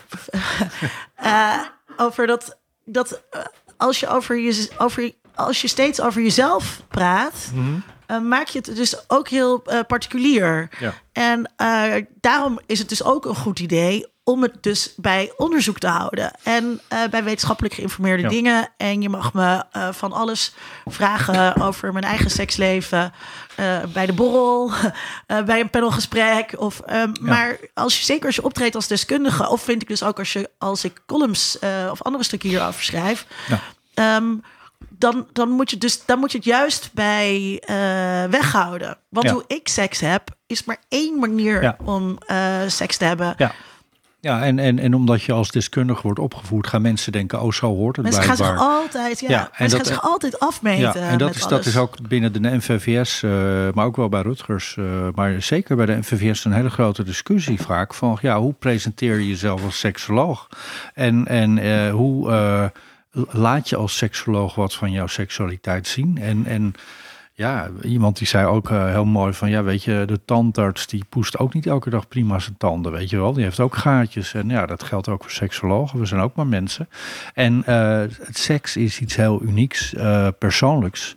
En alleen jij en eventueel eh, je partner of partners eh, eh, bepalen of het goed is. En dat, dat is Maar ik dus vraag ook, ook niet aan mijn tandarts, flos je wel eens? Nou, dat zou je misschien een keer moeten doen. Ja, maar waarom zou een seksuoloog iets moeten delen over Nee, dat iets klopt. waar je Nee. deskundig op bent? Op een ander, Nee. Je bent niet seksuoloog omdat jij Nee, eh, eh, heel goed in seks bent of zoiets. Nee, nee, nee, nee dat, dat, dat klopt. Het is geen eh, criterium om seksuoloog te, te mogen Nee. worden. Nee, een maar dat, interessante, interessante eindtoets zijn. ja, precies. Omdat dan ook weer de vraag is, Zou de wat is goed in seks Ja, zijn? precies. Ja, ja. Zijn, zouden seksuologen ook een, een, een, een fijner seksleven hebben? Dat zou ik een hele interessante vraag vinden. Eh, dat, is, dat is een interessante vraag. Als ik daarover zou moeten speculeren, eh, eh, dan lijkt het me ja. Omdat, maar vonden het gerust, gerust aan. Omdat je, ehm, ehm, je. Dus seks wordt beter als je er minder moeilijk over doet. Ja. En voor heel veel mensen eh, is het, is, vind- vinden seks gewoon ontzettend moeilijk om over te praten. Ja. Of om eh, na te denken over wat, ze, wat hun wensen zijn. ja. En op het moment dat je eh, dat al makkelijk kan, om, om, omdat het je werk is, ehm, maakt dat denk ik de seks automatisch beter. Ja, maar tegelijkertijd, en dat is dan weer een, iets wat ik, wat, ik, wat ik natuurlijk ook wel met collega's seksologen bespreek. Je moet niet vergeten, je- er komen natuurlijk ook gevoelens bij kijken. Seksuele gevoelens, gevoelens naar je partner. eh, hè, dus dus ehm, en, en ja, dat, dat, dat maakt soms. Ik vertelde net het, het, een, anekdote over eh, hoe ik mijn dochter mij, mij soms overviel met een vraag. Ehm, dat, dat maakt het soms wel wat lastiger. Weet je, dat is toch, toch, als het echt over je eigen gevoelens gaat, of je eigen seksualiteit en die van anderen, ja, dat is soms best lastig. Bedoel, eh, ja, psychologen eh, of psychiaters, die zitten ook vaak genoeg eh, met zichzelf in de knoop. Sommigen niet, sommigen wel. En zo is het ook met seksologen. Want als ik het, het, het veld een beetje schets, zoals jullie dat vertellen, gaat het over vragen over wanneer begin je met seks? Of eh, eh, vind je dat prettig? Of heb je negatieve ervaringen Ja. gehad? Of waar heb je nog vragen over? Maar dat is, dat is Eh. ehm, er is wel een verschil. Of misschien heb je dat net gevraagd toen ik in de keuken was. Er is wel verschil tussen vragen die media spontaan stellen. Ja. Of eh, eh, v- eh, vragen vanuit jongeren zelf. Ja, ja. Of ehm, eh, hè, dus als Rutgers een onderzoek heeft gedaan. eh, Nee, maar ik heb het over het, het onderzoek dat door Rutgers of binnen de seksuologie wordt eh, gedaan. Ja. Dit soort publieksonderzoek Ja. zou je het kunnen noemen. Ja. gaat veel over dit soort vragen. Ja. Ehm, en, en dan het stapje wat jij zegt over wat, wat, wat, wat is de vraag vanuit de, de media over wat, wat waar Nou- zit, zit daar een gat tussen tussen wat media willen weten en waar jullie onderzoek naar doen? Eh, nou ja, eigenlijk is de vraag van de media toch heel vaak ook één op één de vraag die heel veel jongeren, maar ook volwassenen hebben. Wat is normaal? En, en, en ja, dat is een vraag. Nou ja, als ik die kon beantwoorden, dan had ik al lang een boek geschreven waar ik eh, helemaal. helemaal Zo Eindelijk- heb je normale eindelijk- seks. Zo. Eindelijk weten we wat normale seks Ja, is. precies. Eh, dat lijkt me Ja, een mooie luisteraars, blijf even hangen, dan zal ik jullie vertellen hoe dat werkt.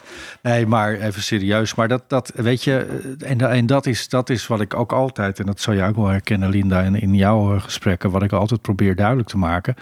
Ja, wa- wat normaal is, bepaal je zelf. Je hebt een wet, je hebt een bepaalde afspraak in Nederland hoe je met seks om kan gaan. Hè, en zonder, zonder strafbaar gedrag te hebben. En je hebt consent. En je, je seksualiteit verandert je hele leven lang.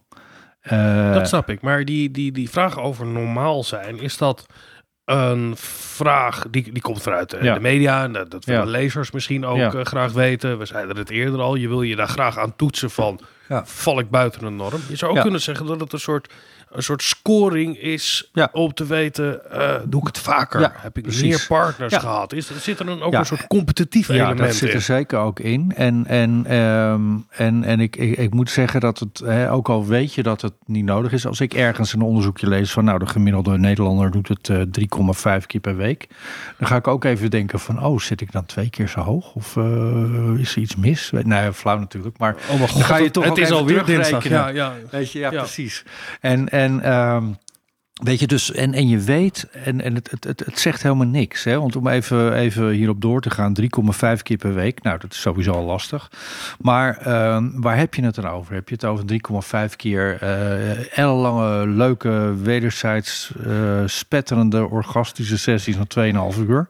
Of drie keer per week eh, vijf minuten klaar en omdraaien en weg? Weet je, dat is dat, dat, dat kan je, je kan het niet even vergelijken. Bovendien weet je niet hoe de ander het beleeft. Hè, degene die het één keer per jaar heeft, heeft misschien veel meer plezier in die ene keer per jaar dan die, die, diegene die drie keer per week doet. Het, het routineuze neussnuiten, ja. Ja, weet Eh, je. En dat is dat. dat en het, maar het is ook helemaal niet erg. Weet je, er is ook helemaal niet. Er is nergens een boek of een, een, een, een examen waar je aan moet voldoen als het over seks gaat. Jij bent je enige, enige examinator. En als jij dus- tevreden bent, is het prima. Ik zou dus graag, ik vind het dus heel leuk om eh, na, vaak is dus eh, normale seks is gemiddelde seks. Waarvoor je je kan afvragen waarom je in hemelsnaam gemiddelde seks zou willen hebben. Je wilt toch ook Ja. niet een gemiddelde voetballer zijn? Nee. Ehm, maar ehm, eh, eh, is dat we, we, we praten heel weinig eigenlijk over ethiek van eh, seks. Dus het gaat vaak over seksuele gezondheid. En dat gaat dan vaak over vrij van SOA's of ongewenste zwangerschap. Mhm. Eh, het gaat over dingen die tegen je zin doen. Hè? Dus eh, best wel vanuit zo'n eh Ja, perspectief. En ik zou het dus ook leuk vinden als we op een andere manier kunnen nadenken over de ethiek van seks. Van wat is dan inderdaad eh, goede seks? Wat, wat, wat zou kwalificeren als goede seks? Eh, gaat het dan bijvoorbeeld over ehm, genotsmaximalisatie bij beide partners? En dat is iets wat nu heel weinig aan bod komt. Ehm, wat, waar ook media het heel moeilijk vinden om over te hebben. Ik moet, dus sowieso moeten we in de uitzending natuurlijk even Ellen Laan noemen. Ja. Eh, pas geleden overleden, Ja. veel te jonge leeftijd. Want die had nog heel veel werk te doen.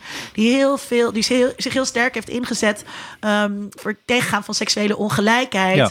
Eh, tussen eh, eigenlijk vooral hetero partners. De orgasmekloof. De orgasmekloof, ja. Dus Ja. ehm, ehm, Ja, zoals we zo mooi zei, eh, heet het, seks, eh, goede seks is gedeeld plezier tussen personen met toestemming. Ja, ik precies. kan het even niet weer reproduceren, maar ja. het was een heel mooie. Ja, Het gaat en- om gedeeld plezier voor twee. Ja, gedeeld plezier voor twee. En dat, en dat, je, en dat je niet denkt, ja. had je goede seks?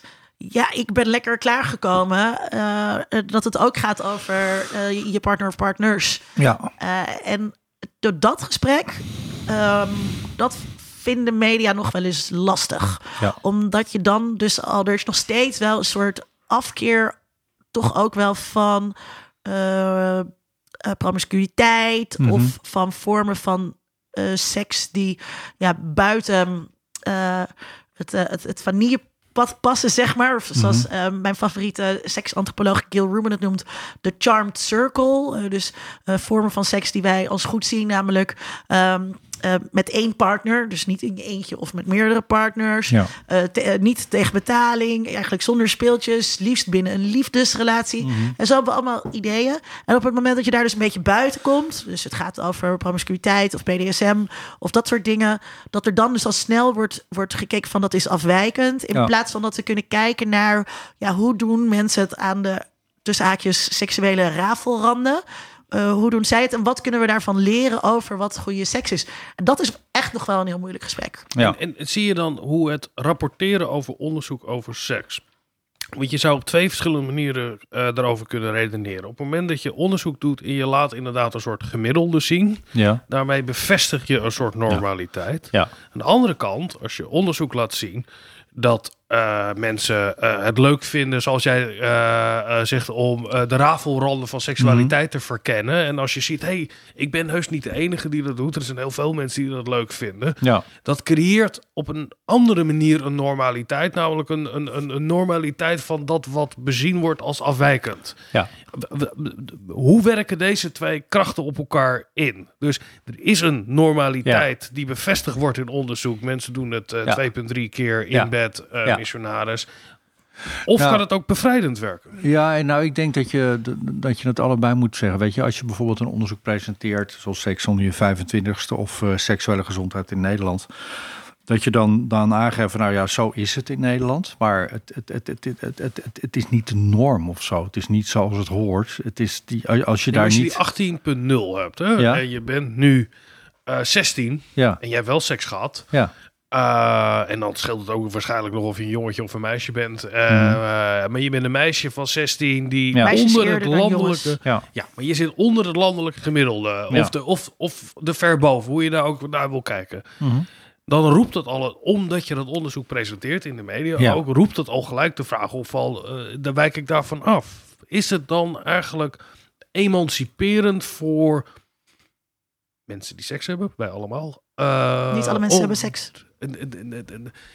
Dat is waar ook, sorry. Ja. De- de- voor alle mensen die zich altijd in een omgeving zitten waar seksualiteit een rol speelt. Dat is ook een manier hoe je daaraan kan relateren. ja. Eh, hoe, hoe kan onderzoek daarin werken? Ehm, nou ja, ja, god, dat, ik, zit even te, eh, na te denken wat het zou kunnen zijn. Ik denk, ik denk, ehm,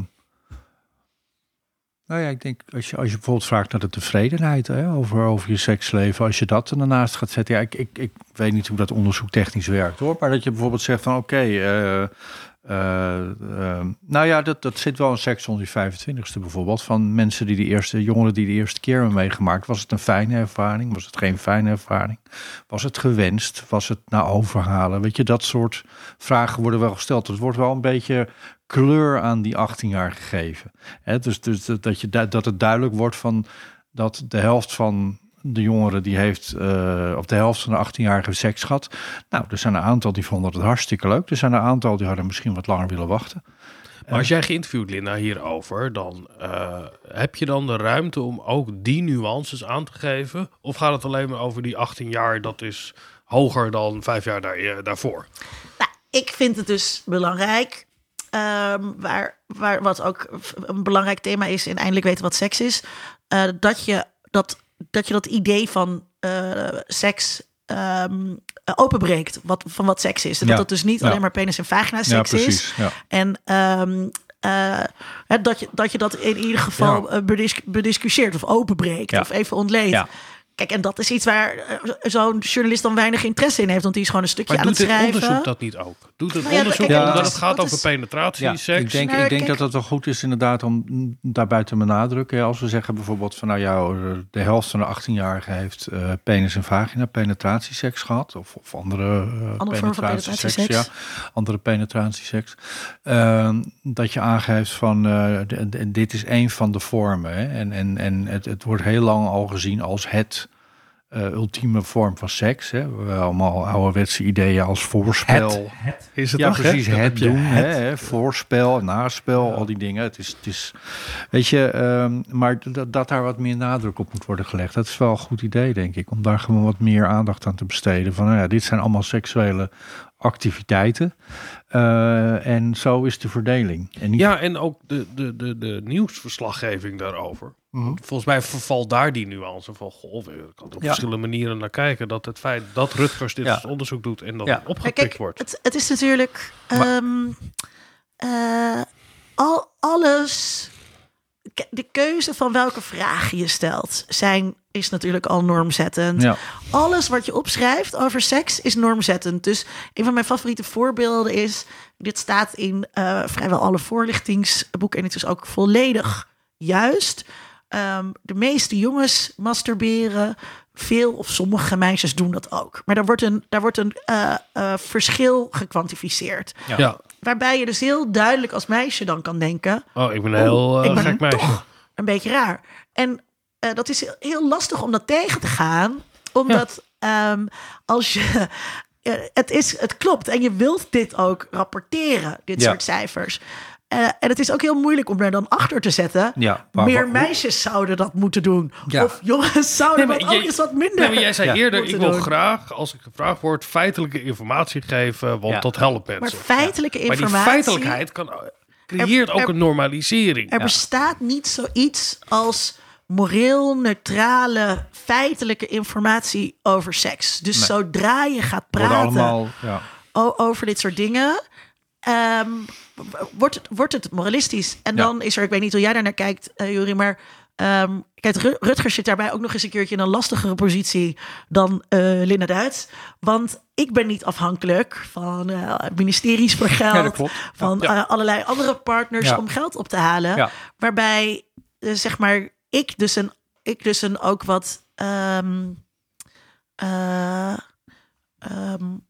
Rutgers is super sekspositief hoor, maar toch sekspositievere boodschap nog kan verkondigen Hmm. eh, dan Rutgers. Die, die rekening mee moet, moet houden met al die eh, stakeholders Ja. eh, die, die daar allemaal zijn en boze ouders. Ja. En ik heb gewoon, ja, ik heb geen, niet echt last van boze Nee, ouders nee, of nee, eh, boze ambtenaren. Nee, wij, wij, wij ook steeds meer omdat we gewoon goed uitleggen wat ons verhaal is. Maar ja, goed, je blijft altijd inderdaad misverstanden houden. Ehm, ehm, ik zit even te denken, want ik wilde net, je, je, zei net iets over dat normeren inderdaad. En, en dat, dat, ehm, ja, dat, dat, dat is natuurlijk ook zo. En dat is, weet je, je krijgt je hele leven lang al zoveel boodschappen over seksualiteit.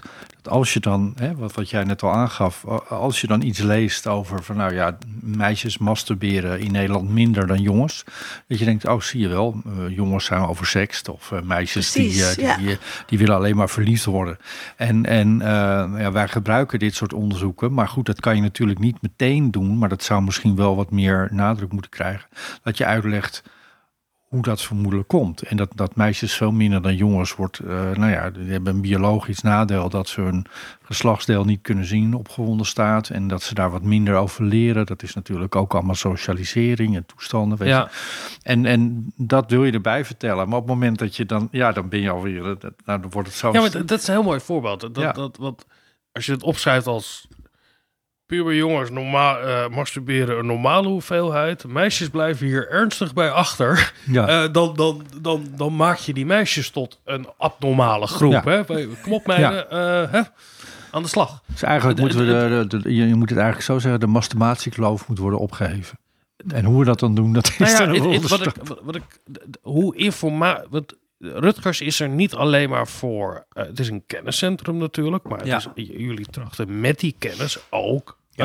eh, eh, seksuele gezondheid en seksueel welbevinden te Informatie, bevorderen. eh, websites, ja, Ja. zeker. Ja, dus het gaat niet alleen over. Het is, die kennis Nee. is niet neutraal. Nee, nee.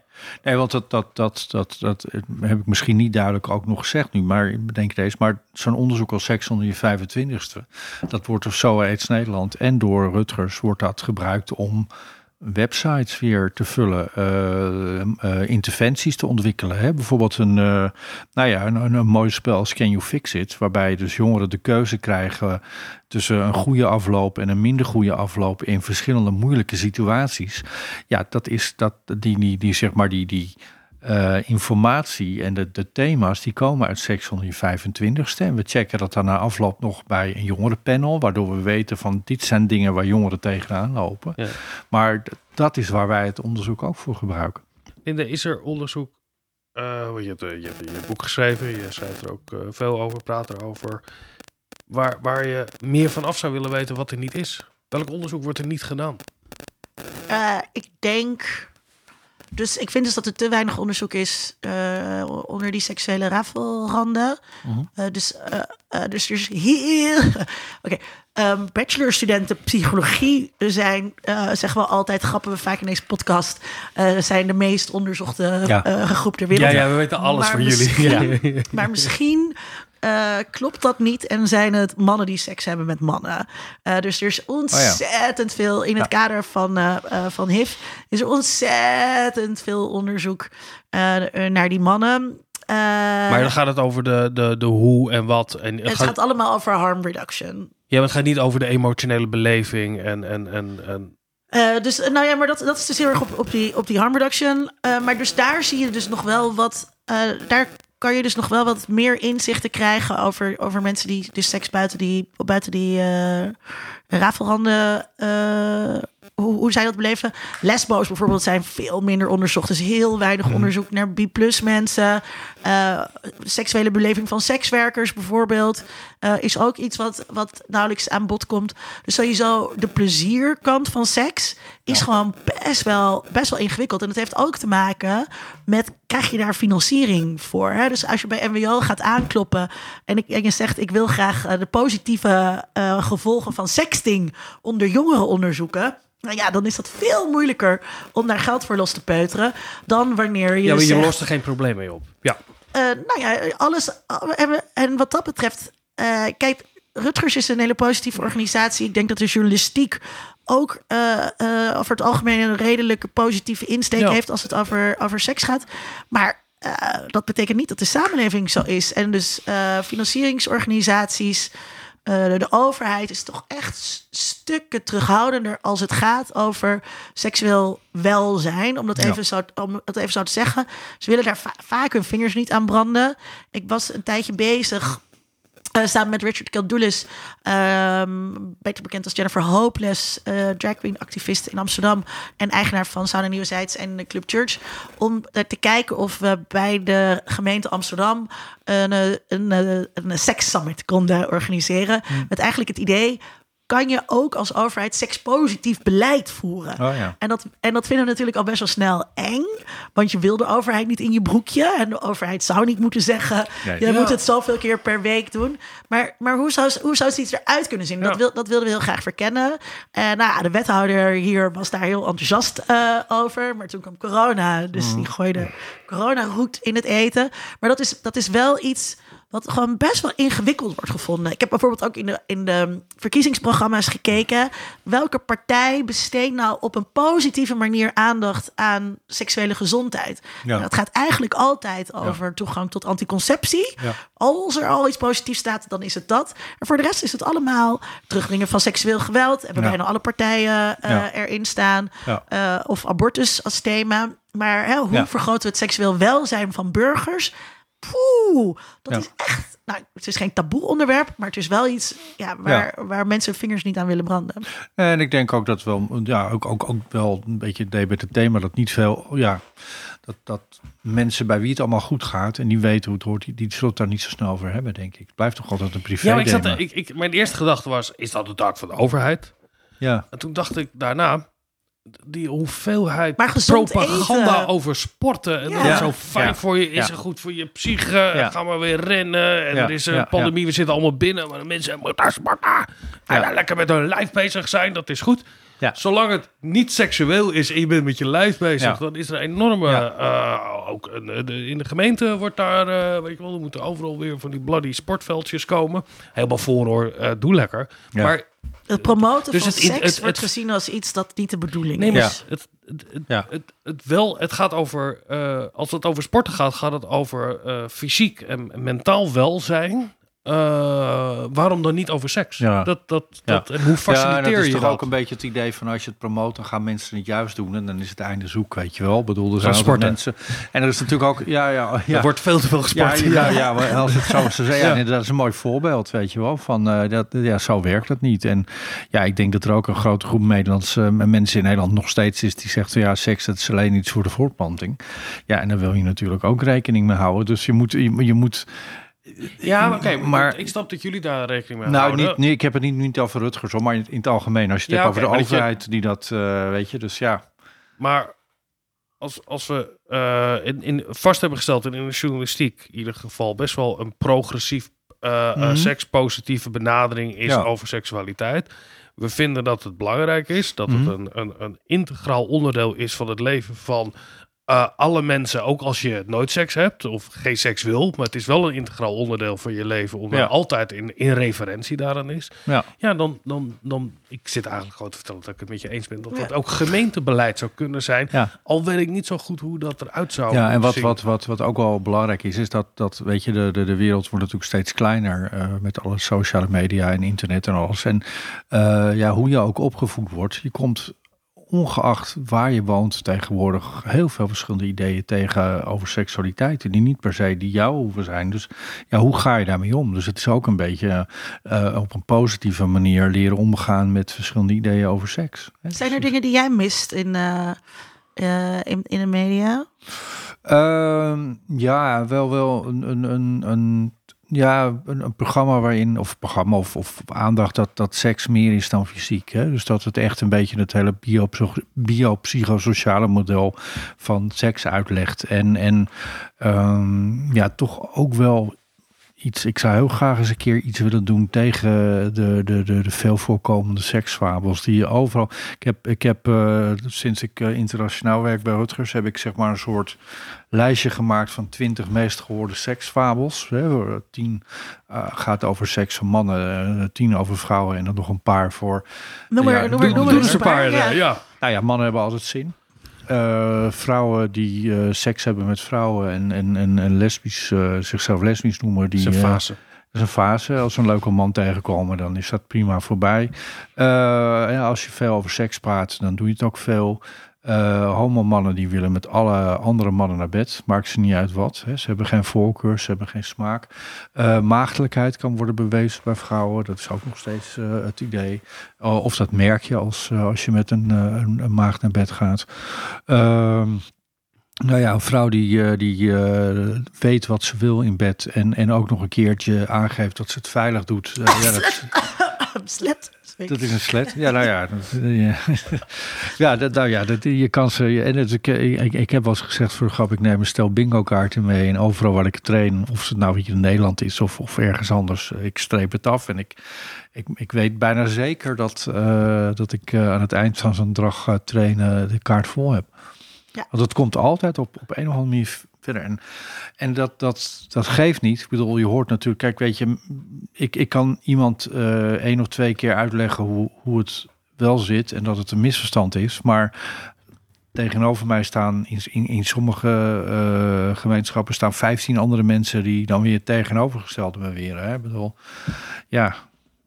eh, Weet je, dus ja, ik, ik, heb, ik, heb, nou ja, ik heb een hoop wetenschappelijke achtergrond, eh, eh, bij me.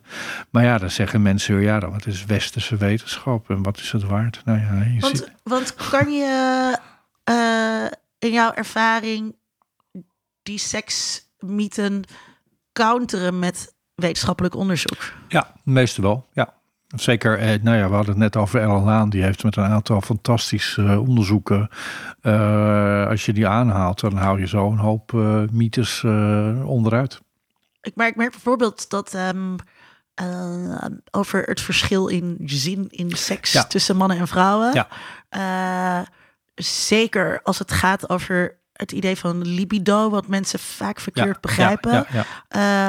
Dat, dat dat zelfs als je daar onderzoek tegenover zet, ja. dat mensen dan nog steeds zeggen: ja, maar, ja. ja, maar. Ja, dat, dat, Evolutie. je, je noemt het ook mythes volgens mij. Ja, Eh, ja.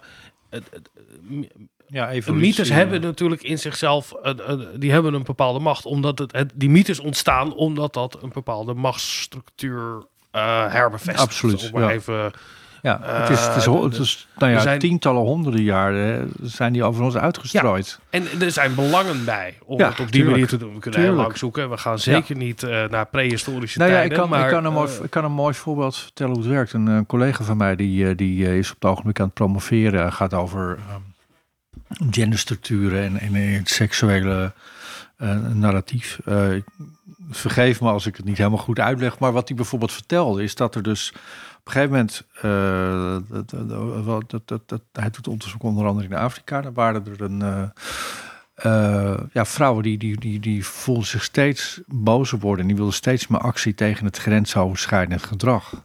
En die gingen gelukkig... Wat een drammers zeg! Ja, verschrikkelijk hè, ja. En, uh, en die, die, gingen naar de politie, die wilden aangifte doen. Nou ja, toen waren er een aantal uh, ja, machtige mannen in hun, hun, uh, in hun, in hun gemeenschap.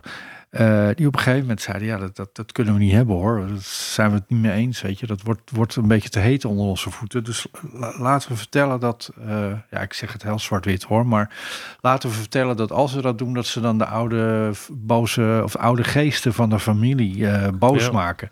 Waardoor die vrouwen dus een extra drempel hadden om aangifte te doen. En dat zou ongetwijfeld op andere manier. Maar ik vond het een heel mooi, wat jij ook net zegt, bestaande machtsstructuren, hoe dat toch de een of andere manier toch, uh, uh, nou ja, toch altijd weer een draai aan wordt gegeven, waardoor het een beetje meer gehandhaafd blijft. En ik zie het ook wel in die dikpik-discussie van de afgelopen weken.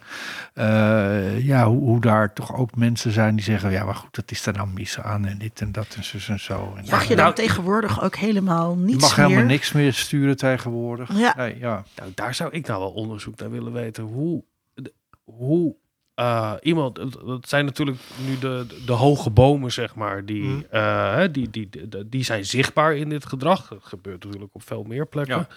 Maar hoe mensen in een machtspositie, die zowel machtig zijn, maar dus ook kwetsbaar, omdat ze machtig zijn, want ze ja. zijn zichtbaar, uh, zoiets doen wat heel makkelijk traceerbaar is, waarin jouw, ja. jouw machtige positie zo duidelijk, je bent daar heel kwetsbaar in.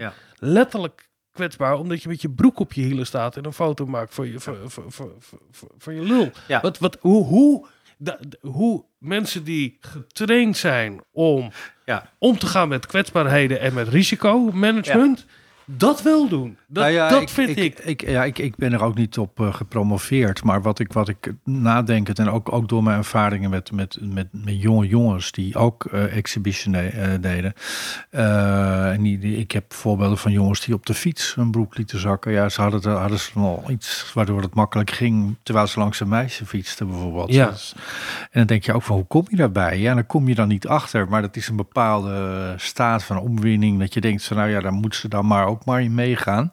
Maar ja, deze uh, machtige mannen waar we het erover hebben, ja, ik denk dat die gewoon veel te weinig uh, op hun vingers worden getikt en, en, en, en denken dat ze alles maar kunnen doen en denken dat hun macht. Uh, ja, maar dat stond dat, ja. dat ook mijn eerste, maar dat is interpretatie. Maar ik zou dat als, als ja, ik onderzoek, zou, ik zou dat ja. willen. Uh, jij stuurde iets op Twitter rond over waarom mannen een dickpic sturen. Ja. vind ik ook een waanzinnig interessant. Vind ik dat er veel te weinig aandacht voor mm. is in, in de media, uh, ik, ik, weet niet of jij dat, uh, je, je plaatste zo'n tabel met, met, met percentages waarom mannen dat doen. Ja, daar is een aantal redenen, geloof ik. Hè? Was, was het Canadese onderzoek ja, ja, waarschijnlijk? Ja. Ja, ja. ja, toen dat allemaal gebeurde, toen dacht ik, laat ik gewoon even... Laat ik gewoon eens even Google Scholar wat er eigenlijk is aan dikpik onderzoek. Um, want, want uh, nou ja, je wil gewoon zoveel mogelijk hier wetenschappelijk geïnformeerde dingen over zeggen. Ja. Uh, en ik vond het wel grappig. Dat werd heel veel gedeeld uh, op Twitter, uiteraard. En uh, dan krijg je dus meteen um, ook weer sceptici die dan gaan zeggen: ja, maar deze steekproef was niet A-select. Oh, ja, en ik had ja, dat dus wel, ik had wel iets gezegd over hoe die steekproef eruit zag. Um, maar toen ging iemand daarover zeiken. Dus dan heb ik alsnog weer als update erbij gezet. Hè. Dit is dus geen representatieve uh, steekproef. Um, en, dan, dus, en dan zie je, wat ik heel interessant vond, dat daarmee ook de aandacht een soort ja, wordt afgeleid ja, van waar dat onderzoek over ging. Naar een heel klein ander puntje, waarbij dus eigenlijk een soort uh, ik wil dit niet geloven. Nee, ja, precies. Uh, uh, zoiets, ja, ja, zoiets dat, gebeurt. heb je dus ook dat bij, bij, in, in dit geval van de afgelopen maanden. Ja, of het was een hele goede directeur, of het was een hele goede orkestleider, of het was iemand die seksverslaafd was. Hè. Dus ja. zeg maar, dat, dat, dat is dan wel weer het, het voordeel dat daardoor niet ja, aan hij was heel goed in victimblaming zijn wordt vak, maar hij gedaan. had een pathologie. Precies. Wat Ja. vreselijk voor deze man. Ja, ja, dat precies. vond ik, ja, die, Ja, ja, moet, die moet nu Ja, in er Amerika dan- in therapie. Ja, Ja, precies. ja. Er wordt dan op dat ogenblik niet aan victimblaming gedaan, wat, wat, wat natuurlijk nog, nog, nog akeliger is. Maar de verantwoording wordt nog wel bij die manier weggehouden. Terwijl ja, als we het hebben over seksverslaving. Ja, als je echt seksverslaafd bent, uh, voor zover je daarvan kan spreken. Want daar zijn ook heel verhalen over. Dan kan je geen uh, fulltime baan uh, daarnaast hebben. Nee, dat, dat, of in ieder geval die goed uitvoeren. Nee, maar dat is nog een hele, heel nieuw onderwerp over hoe je pathologiseert. Mag ik nog één ding hierover zeggen? Uh, um, dat is ook een soort... Uh, ik hou dus heel erg van onderzoek. um, uh, ik heb er zo'n hekel aan. ik hou dus heel erg van onderzoek. Ja. Nou ja, maar dat, uh, dus er is nog veel meer, er is nog zoveel meer te onderzoeken Tuurlijk. als het over, Ja. over seks, seksualiteit gaat. Dus Ja. ik zit natuurlijk vooral een beetje in die sociologische hoek, terwijl er is heel veel psychologisch eh, en medisch onderzoek naar eh, seks en seksualiteit. Maar gewoon, hè, dus hoe, hoe beleven wij dat als maatschappij, vind Ja. ik dus super interessant. En een van de dingen eh, waar duidelijke aanwijzingen voor zijn, ook uit dat, uit dat dikpik-onderzoek, maar ook bijvoorbeeld uit een mooie peiling die één vandaag vorig jaar heeft gedaan onder jongeren, dat er enorme verschillen zijn in wat mannen en vrouwen verstaan onder seksueel grensoverschrijdend gedrag. Ja. En dat is dan. Dat en dat is gegenderd. Eh, daar ligt echt de, de, de, de, ja, de scheidslijn. Dus, dus Ja. eh, vrouwen vinden het veel eerder seksuele grensoverschrijding als iemand in hun aura komt staan, zeg maar. Ja. Dus er dichtbij komt staan. Vinden Ja. het veel eerder seksuele grensoverschrijding als ze in hun billen Ja. geknepen worden. Ja. En op het moment dat je het niet eens bent over de definities, en dat Hmm. Ja. is dus iets wat je met onderzoek kan achterhalen, ja, dan komen we er dus niet door te zeggen je mag niet seksueel grensoverschrijden. Want Nee. ja. Daar is iedereen het wel over Ja, we moeten wel weten. Ja, we Ja. moeten enige Ja. consensus hebben Ja. wat de grens Nou is ja, voordat dat we over dus overschrijding kunnen hebben. dat, ja. dat was dus ook het lastige, maar ook wel, ook wel de, altijd de uitdagingen in, in, in die gesprekken met die jonge zedendaders. Kijk, die hadden natuurlijk anders dan de, de, de, de mannen, de bekende mannen die de afgelopen weken in het nieuws zijn geweest, die de grens zouden overschreden. Maar ja, die hebben daar nog niet goed over nagedacht en die wisten ook niet precies. Ik bedoel, en het is geen excuus, hè, dat zei ik ook tegen hem. Maar zij wisten niet dat ze op een bepaald moment een machtspositie hadden, bijvoorbeeld. Of dat, eh, dat, dat eh, eh, een slachtoffer dat giechelde, dat dat misschien ook wel een teken was van onzekerheid en niet willen en niet zeker weten. Weet je, dus die, die, die signalen konden ze nog niet lezen. Maar het is, het is ook heel erg lastig, vond ik altijd, om eh, met name de jongens in zo'n positie eh, te praten, dat, dat ik hem kon uitleggen van kijk, zo voelt het nou als jij niks kan doen en eh, iemand gaat je grens over. En kwam dan heel vaak met een voorbeeld van de tandarts.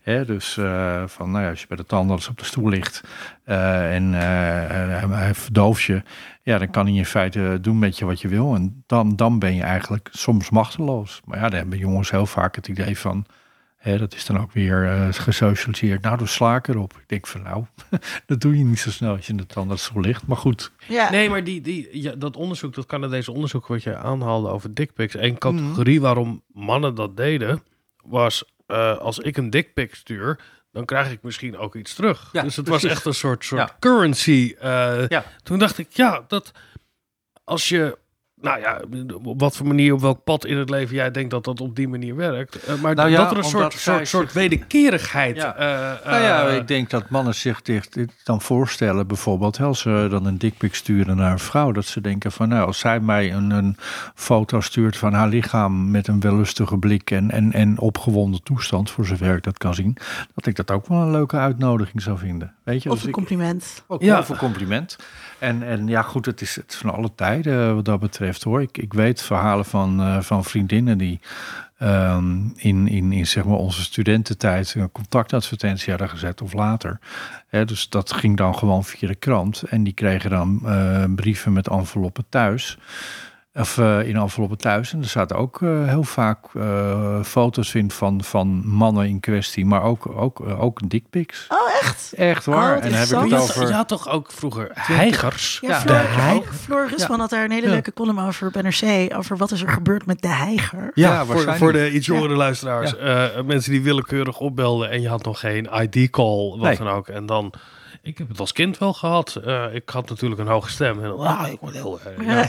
Dat was... eh, wij, ik, Maar, jullie- maar dat was ook een soort categorie potloodvent en Ja. een heiger. Die, Ja. Dat waren volstrekt anonieme mensen die altijd in een beige eh, eh, overcoat eh, rondliepen. Ja. Dat, dat, dat, ik Ja, vind het niet als echt, tenminste in mijn, ik was natuurlijk ook een jongetje. eh, Ja. Het was gewoon een soort entiteit als elfjes. ja. Eh, het waren geen mensen, het was een potloodvet. eh, de- de- de- Maar eh Jurie, jij ehm, bent ook wel bezig toch met die, met die eh, genderverschillen in, Ja. in seksualiteitsbeleving. Ja. Ja. Kan je daar wat meer over vertellen? Nou ja, goed, in, in die zin dat ik, dat ik gewoon in de trainingen, maar ook in, in, in dingen die ik schrijf eh, voor Rutgers, eh, uitleg eh, van nou ja, dat de genderverschillen eh, kleiner zijn dan, eh, dan we altijd denken. En ehm, nou ja, om een mooi voorbeeld te noemen, ik heb net een, een handleiding geschreven over hoe je met jongens praat eh, over seksualiteit. En eh, nou ja, dat, dat, dat is gebaseerd op, op heel veel werk wat, wat ik en anderen bij Rutgers hebben gedaan. En eh, halverwege toen ik dat aan het eh, herschrijven was, want het is een bestaande publicatie uitgebreid met heel veel eh, nieuwe kennis en ervaring, dacht ik, ja, moet ik het eigenlijk wel zo noemen? Hoe praat je met jongens over seks? Want ja, wij zijn inmiddels al ge- meer gewend om, om eh, het in het eh, non-binaire te houden en eh, het gewoon over jongeren te hebben Ja. of over wie dan ook. En maakt ja- ook weer uit of het hetero jongens zijn Precies. of bi of homo jongens. Precies, ja. En, en, en nou, we hebben het er toen over gehad. Uiteindelijk was toch de conclusie van, nou ja, wij weten dat wel. Wij zijn daar al wat meer bewust van. Maar er zijn heel veel mensen die er nog niet bewust zijn. Ehm, en ja, die slaan gewoon aan om hoe praat je met jongens over seks. Want dat is bijvoorbeeld, als je het hebt over onderzoek of over waar meer aandacht aan besteed moet worden. Kijk, de seksuele vorming is heel lang gericht geweest op ja, eh, de, de- de meisjes. En, en meisjes, jullie moeten voorzichtig zijn. De Jongens, jullie hoeders van je- de zeden. ja, en jongens, jullie moeten je poten thuis houden als een meisje nee zegt. Eventjes heel zwart-wit. Eh, maar jongens hebben natuurlijk ook een vragen, onzekerheden en ook heel veel last van het mannelijke stereotype. Maar goed, dat, dat leggen we dus uit in die, in die handleiding. Hoe praat je met jongens over seksualiteit? Maar mensen die, eh, die daar wat aan hebben, die, die lezen wel gewoon ja, jongens, dus waar, waar ze mee bezig zijn. Ja. En, en op die manier, en je moet het dus op die manier introduceren. Want is het, ik kan me ook voorstellen dat eh, ehm, eh, eh, docenten of journalisten daarop reageren van, hè, moet je seksuele vorming apart doen Nee.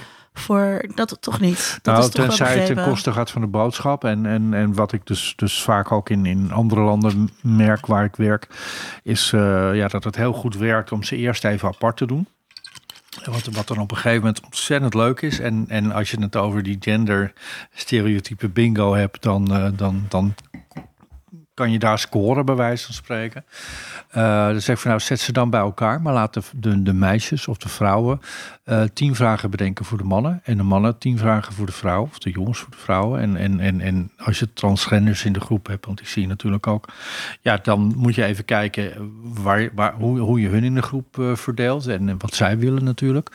Maar ja, en Ja, maar daar schuurt het al wel natuurlijk. Dat je, het, het- het- als je, je vertrekt vanuit een heel Ja. binair, Ja. eh, sommigen Ja. zullen zeggen wat essentialistisch beginsel, Ja. alsof al die jongens met elkaar eenzelfde soort ervaring hebben, Precies. wat Ja. specifiek is omdat ze jongetjes zijn of precies. zich zo identificeren. Ja, nou daar heb ik ook best wel echt bij mijn neus eh, mee gestoten. Hè? Dat je ineens merkt van, oh ja, weet je, ik- kon het dan niet in bepaalde trainingssituaties of andere situaties niet goed inschatten. Dan denk je, oh ja, ik heb ook nog steeds een, een binair beeld. En ik bedoel, ja. Dat Maar wat daarbij natuurlijk ook van belang is, is dat eh, ongeacht hoe je jezelf eh, identificeert, ehm, je vaak aan het begin van je leven socialiseert of gesocialiseerd wordt als nog los van je eigen eh, genderbeleving. Dus ik ben gesocialiseerd als meisje, ook Ja. al identificeer ik mij niet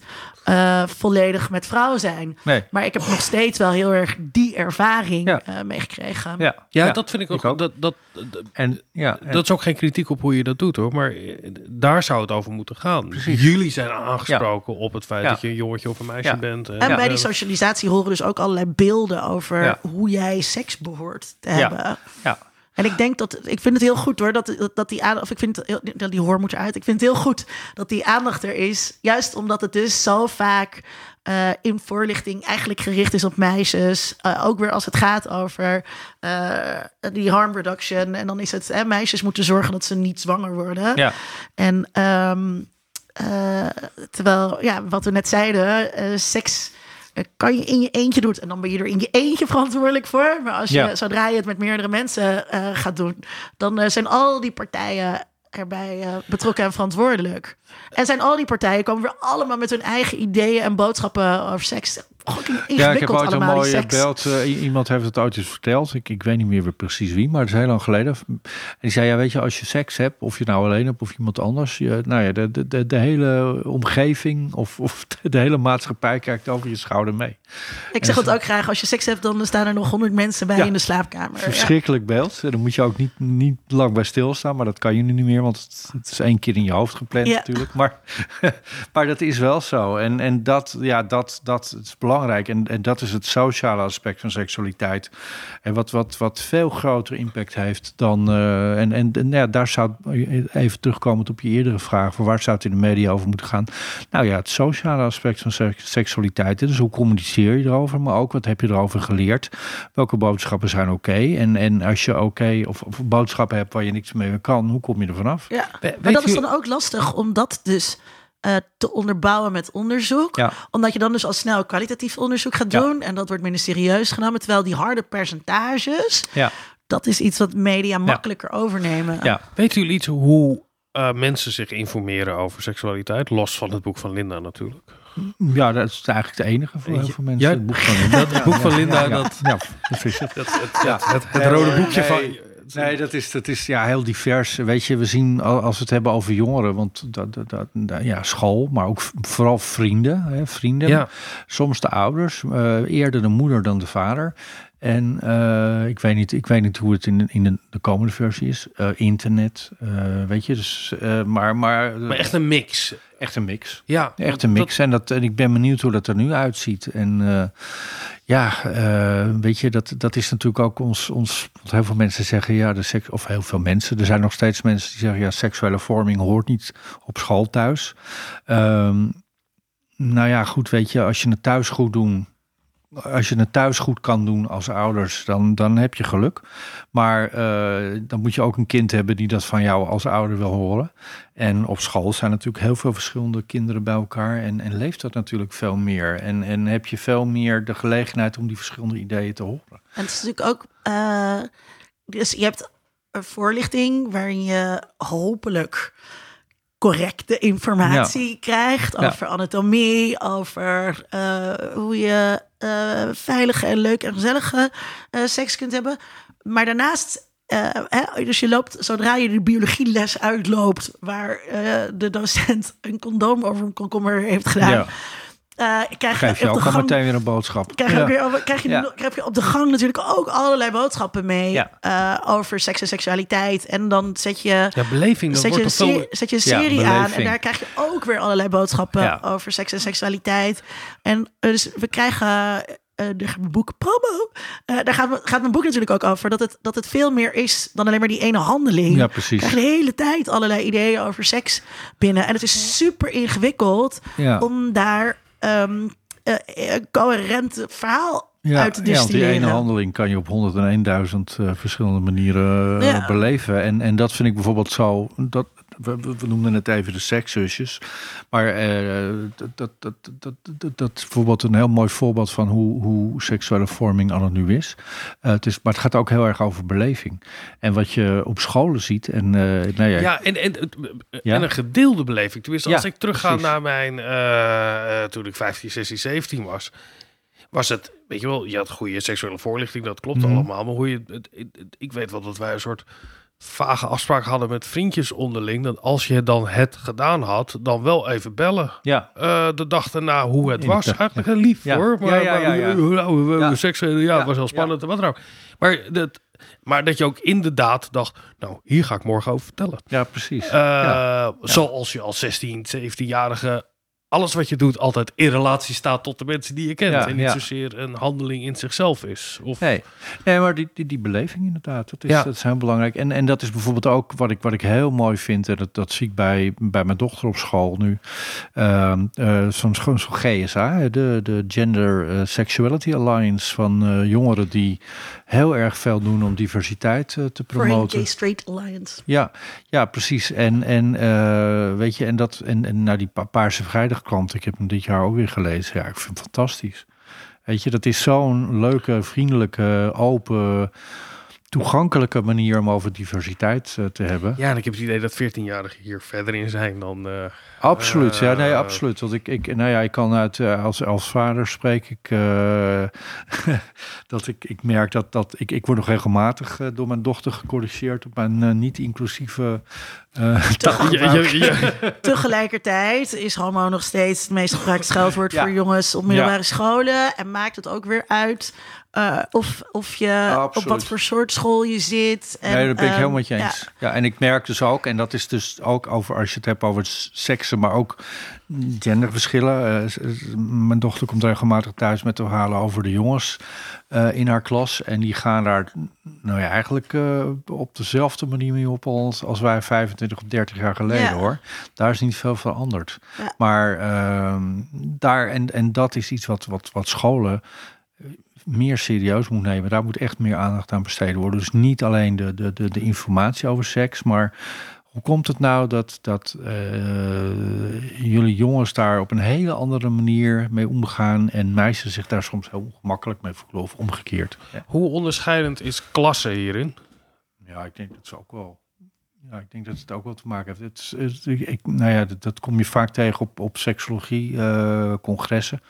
dan gaat het heel erg over intersectionaliteit. En eh, ik, ik was nog niet zo heel lang, nou ja, voor corona, op een eh, congres eh, waar iemand zei: ja, sexuality education is, a- is a white man's thing. Toen dacht ik ook van ja, ja, ja. Ik, ik had ineens zoiets van: nou, wat, wat bedoel je nou? Maar Word ik hier nou aangevallen als witte man? ja, wat is dit nou? Zeg, kom op. Vertel gewoon de feiten. Ja, Maar, maar, nee, maar ik bedoel snap ook in het wel. beleving van Ja, ja. eh, seksualiteit, wat jij tegenkomt. Dat, dat, de, Ja.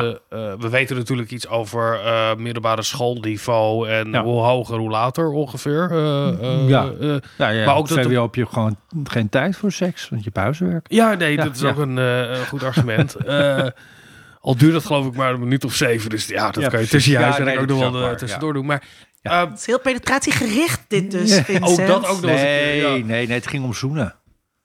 Nou, ja, ik geloof dat het niet over penetratie is, Nee. maar gewoon de handeling van... eh, Het we gaan nu seks met elkaar hebben, dat duurt dan zeven minuten. eh. nee, maar ik bedoel klasse in de zin ook in maar de beleving van zeven seks. minuten tongzoenen, hè? ik heb er zin in hoor. Dat is wel gewoon, toch? Ja? Ja. Nou ja, dat is Dat is gewoon... lang hoor. Ja, je kan gewoon... Ik bedoel, niemand kan zo intens opgaan in tongen als pubers. Dat is, Nee, gewoon, nee, precies. dat is Ja. gewoon zo. Ja, ja, ja, Wel veel langer dan zeven minuten. Ja, ja. och, och man, ja. Daar moesten ze onderzoek naar Ja, we gaan naar een afronding toe. Ja. eh, eh, en, en dan beantwoorden wij altijd een vraag. Oh, Eh, die hebben we aan het begin helemaal niet gesteld, maar dat hoeft al lang niet meer. Maar de vraag is, welke ruimte is er in de media voor eh, onderzoek naar seks? Of eigenlijk de bevindingen van onderzoek naar seks? We hebben het erover gehad, maar als je daar een... nou, ik vind, ik vind niet, niet, niet, niet voldoende. Er moet, moet echt meer ruimte komen. Het is meer eh, de waan van de dag en, en het ook het entertainment rondom seksualiteit. Soms ook inderdaad wel wat goede seksuele vorming. Maar echt als het gaat over onderzoek, eh, daar, dat, dat, dat- dat- ik kan me herinneren dat eh, Maria Schopman, eh, waar, ik, waar ik ook mee eh, gewerkt heb in de eh, die, die, die, die, die riep dat regelmatig als we weer bij elkaar kwamen om, om wat media dingen door te nemen. Ehm, dat er een onder, dat, dat, dat ze had ooit een programma gezien waarin eh, ja, wat proefjes werden gedaan, of wat, wat, wat dingen werden uitgelegd. En, en de- die, werden, die werden dan toegelicht en, en, en eh, er werd ook een duiding aan gegeven. Hè, dus eh, niet alleen maar van, goh, kan je het t-shirt van je partner uit een stapel was vissen, als je dan ruikt bijvoorbeeld. Maar hoe komt dat nou en wat heeft het nou voor consequenties? En wat vertelt het over de verbinding tussen mensen die seks hebben? Weet je, dus dat, dat je daar de ruimte voor hebt. Want je hebt nu tegenwoordig allemaal van die programma's van, ja, nou ja... ehm, eh, Married at First Sight. Ja, dat is allemaal hartstikke leuk en aardig. Maar eh, ik, ik, ik moet eerlijk zeggen dat de seksualiteit eh, die daarin wordt eh, eh, uitgelegd heel erg zwart-wit is. En veel te weinig nuance. is een stukje boer zoekt vrouw. En nou, daar wordt echt bij een nog voor de eerste ontmoeting plaatsvindt. Nou, hij wil ook kinderen. En eh, zo praat ze allemaal in mijn beleving. Eh, eh, maar als een soort kalveren. Ja. Ja. Dus, dus, dus daar bestaat inderdaad, ja, ik, het, het, het moest er Ja. maar eens van komen Ja. om een partner te vinden, Ja. om mijzelf voor. Prachtig, ja. Mag ja, ik kijk, er is helemaal geen, geen, geen, geen, niks mis met een, een- entertainmentprogramma als Married at First Sight. Maar ik vind dat je daar wel af en toe, eh, want het wordt Ik dan vind altijd- het gênant dat psychologen daar gaan zitten in een Ja, programma ik- met, ik- de, met de titel psycholoog. Ga dan weg. Ja, nou, ik zal je eerlijk is- vertellen, vanuit de NVVS zou er ook niet aan meewerken. Omdat, Nee. omdat daar gewoon seks eh, te, te, te, te bekaaid afkomt. En Ja, te, te weinig toegelicht wordt eh, beoordeeld. Maar goed, dat is, een, dat is weer een andere discussie. Maar de, de Nee, maar het nuance en wel de... iets weer over hoe kennis vanuit de seksuologie daar een rol speelt. Ja. Alsof het iets is wat je vanuit een soort deskundigheid eh, eh, ja. eh, zou kunnen voorspellen over hoe dat eh, verloopt. Eh, Ja. Niet alleen seksueel, maar ook in de liefde of wat dan ook. Ja, In, ja, dat, ja, in dat eh, kader is super, heb ik het echt zo gehaat zitten kijken. Ehm Too Hot to Handle is een programma waarin super eh, knappe, eh, mega Oh, fitte ja, singles Ja. bij elkaar worden gezet. En dan Ja. mogen ze dus geen seks Oh, hebben, maar ze moeten eerst een diepe connectie hebben. Om op die manier te leren dat wil je een echte partner krijgen, dan moet je wachten met seks. Ja. Nou, dan moet je mij, dan moet je mij hebben. Ik heb echt gewoon al die afleveringen allemaal gekeken, twee seizoenen. Eh eh, zitten gillen naar de televisie Oh, over erg. wat voor verschrikkelijke boodschappen. Ja, maar dan gaat je jezelf uit de pot als je dan wel seks hebt. Ja, ja, ja, dan krijg je ja. boetes. Ja. Ja. En dan heb je dus ook nog dingen. En Ja, was dat de- zeg ik ook vaak, weet je. Als je, als je eh, nou ja, meerdere relaties hebt gehad en je gaat op terugkijken, dan zul je merken dat de een was, was op, op dit gebied heel erg leuk, de andere gebied dat. En, en de ene keer was het meer seks, de andere keer was het meer romantiek, of was het meer intellectuele diepgang, of weet ik veel wat allemaal, weet je. En dat is allemaal prima, weet je. Het kan nooit een 100% compleet plaatje zijn. Er moet ook nog wat werk overblijven voor seksologen. Anders heb je niks te doen. Ehm, welke ruimte is er in de media voor onderzoek naar seks of bevindingen over seks? Ik denk dat ehm, we geluk moeten hebben. Ga ik iets aardigs zeggen over Rutgers? Ik denk dat we geluk moeten hebben in Nederland dat we Rutgers hebben. En dat dat, dat door, door media ook wel echt algemeen aanvaard wordt als eh, het kenniscentrum voor seksualiteit. Als bron voor goede en betrouwbare eh, informatie eh, over seksualiteit. Ehm, ik, ik ben het eens met Jury dat er, dat er, dat er maar de, de insteek is vaak nog steeds sensationalistisch. Of Ja. Kijk, we hebben, we hebben het eigenlijk helemaal niet over corona gehad. Terwijl dat volgens mij ook wel een van de redenen was waar, waarom ik eh, het graag over dit onderwerp wilde hebben. Waarom we het graag over dit onderwerp wilden hebben. Er was natuurlijk heel veel aandacht voor eh, jongeren Mhm. en daten. En eh, ik ben zelf natuurlijk ook debat aan geweest om voor die aandacht eh, op te komen. Maar ook dat is steeds vanuit een beetje een soort, Ja. een soort heigerigheid. Ah, hoe, Ja. wordt daten jongeren eigenlijk nog? Wat gebeurt er Ja, eigenlijk nog? Zijn er de seksafspraakjes? porno zijn? Ja, ja, Ja, ze zullen nu wel heel Ja. erg aan de porno Ja, zijn. ja, Nou, ja, dat, ja, ja, dat is dus, dat is dus niet zo. Ja. En eh, die jongeren waren allemaal best wel braaf. En terwijl de belangrijke vraag die daarbij hoort is... ehm, wat, wat doet dat gebrek aan het hebben van een ontmoetingsplaats, Ja. bijvoorbeeld, met, met het welzijn? Wat betekent het dat je je seksuele en romantische ontwikkeling, die vooral eh, voor jongeren op dat moment heel belangrijk is, omdat zij dan snel die fases doormaken. Kijk, voor mij was het ook erg dat ik niet kon, eh, kon daten, omdat ik dat gewoon leuk vind. Maar eh, eh, ik, had, ik, ik ben natuurlijk al wat Jouw verder. vormende jaren liggen Mijn vormen ver achter jou achter me. natuurlijk. Ja. Eh, maar wat doet dat met het welzijn eh, van, van jongeren? Dat, dat zijn vragen waar dan, dan weer weinig ruimte voor is. Ja. En eh, dat, dat, vind, ja, dat vind ik jammer. Dus er is in interesse wel in percentages. Maar in wat zit er achter het percentage? Dat is dat. Ja. Ja, Dat- precies. Gewoon, ik, ik zat, eh, nou ja, ik, toevallig gisteren vanwege de Oekraïne nog, eh, ik kijk niet vaak, maar naar Buitenhof te kijken. En ik vond het zo fijn dat daar gewoon mensen echt gewoon twintig minuten de tijd hebben om gewoon even een verhaal te doen. En eh, weet je, en nou ja, dat, dat, dat mis ik nou wel een beetje als het gaat over seks in de media. Gewoon een, Nou, een goed En verhaal. daarom hebben we nu toch En daarom is ruim podcast. een uur Ja. over seks Ja. en Ik seksonderzoek. zit nu op, op eh 1 uur en bijna 45 minuten. Ja. ja. nou dan kan je volgens mij, volgens de statistiek, kan je daar toch twintig keer seks in hebben. ja. Beste luisteraar. Maar Vincent, dit wat is seks eigenlijk? ja, twintig keer tongzoenen. Ik, zou het, ik, kan ik ook heb een boekje thuis staan, nog nooit open gedaan, maar dat heet eindelijk weten wat seks is. Ik ga het een keer lezen. Ehm, nee, misschien over de vraag. Wat, wat, wat mij op, opvalt is dat we met z'n drie eigenlijk helemaal niet zo heel negatief zijn over de berichtgeving over seks. En dat ook die ruimte, die vraag die jij stelt over Nou ja, ik- wat betekent voor jongeren, die vraag wordt wel gesteld. Ja, nou, ik zou Er alleen zou wel... onderzoek naar moeten komen. Nou, het enige wat ik, nou ja, lo- los daarvan, maar goed, dat, dat, daar praat ik natuurlijk als seksoloog en NVVS, dat er meer NVVS-seksologen in de media zouden mogen eh, verschijnen. Want ja, de, de, de, de, de- de- ja, loop- die, dat die, die hobby eh er lopen een seksologen- aantal hobbydeskundigen rond. Een Ja. aantal doen echt goed werk hoor. Ik wil niet iedereen eh, afkaarten, maar en met de beste bedoelingen. Maar nee, nee, nee, daar heb ik het niet over, Linda. Maar ehm, ja, je zit soms met kromme tenen. En, en, en dan vraag je ook vaak wel af van... Goh, is dit nou het beeld wat mensen van een seksoloog hebben? Wel, Ja. Ehm, Trouwens, maar ik moet even ook zeggen, we hebben hier natuurlijk ook een vertekend perspectief. Want Jury praat vaak eh, eh, met de media. Dus Mhm. eh, jij bent ook sturend in hoe, er, hoe media dat dan vervolgens... Ja, ik heb, ik heb gelukkig een plek waar ik, waar ik toch wel mijn eigen boodschap eh, zo goed Precies. als. Maar ja, goed, weet je, als, er, als het gaan editen, dan blijf je natuurlijk nergens. Ja, en ik heb gewoon natuurlijk, ik zoek ook, of ik vind en zoek en heb ook mijn eigen platformen om dat te doen. Dus als ik vind dat er ergens te weinig aandacht voor Ja. is, dan doe ik het zelf. Ja. Ja. Ja, dat, dat is een is- groot verschil. Dus dat maakt ook dat maar ik. zijn er dan groepen En die... ik, word, en ik krijg dat platform dan dus ook. Ja. En mijn opiniestukken worden geaccepteerd. Ja, en Dus bij Rutgers ik- hebben we natuurlijk een huis. Dat, dat- en dat is wel iets, dat had ik nog vergeten te zeggen. We hebben natuurlijk naast onderzoek en, en, en ontwikkelen van interventies en, en heel veel informatie op online en zo. Maar we hebben ook een, een, een, een afdeling ja, advocacy. Hè? Dus mensen die echt eh, belangrijke thema's eh, over seksualiteit op de kaart zetten. En dat is soms een hele lange adem.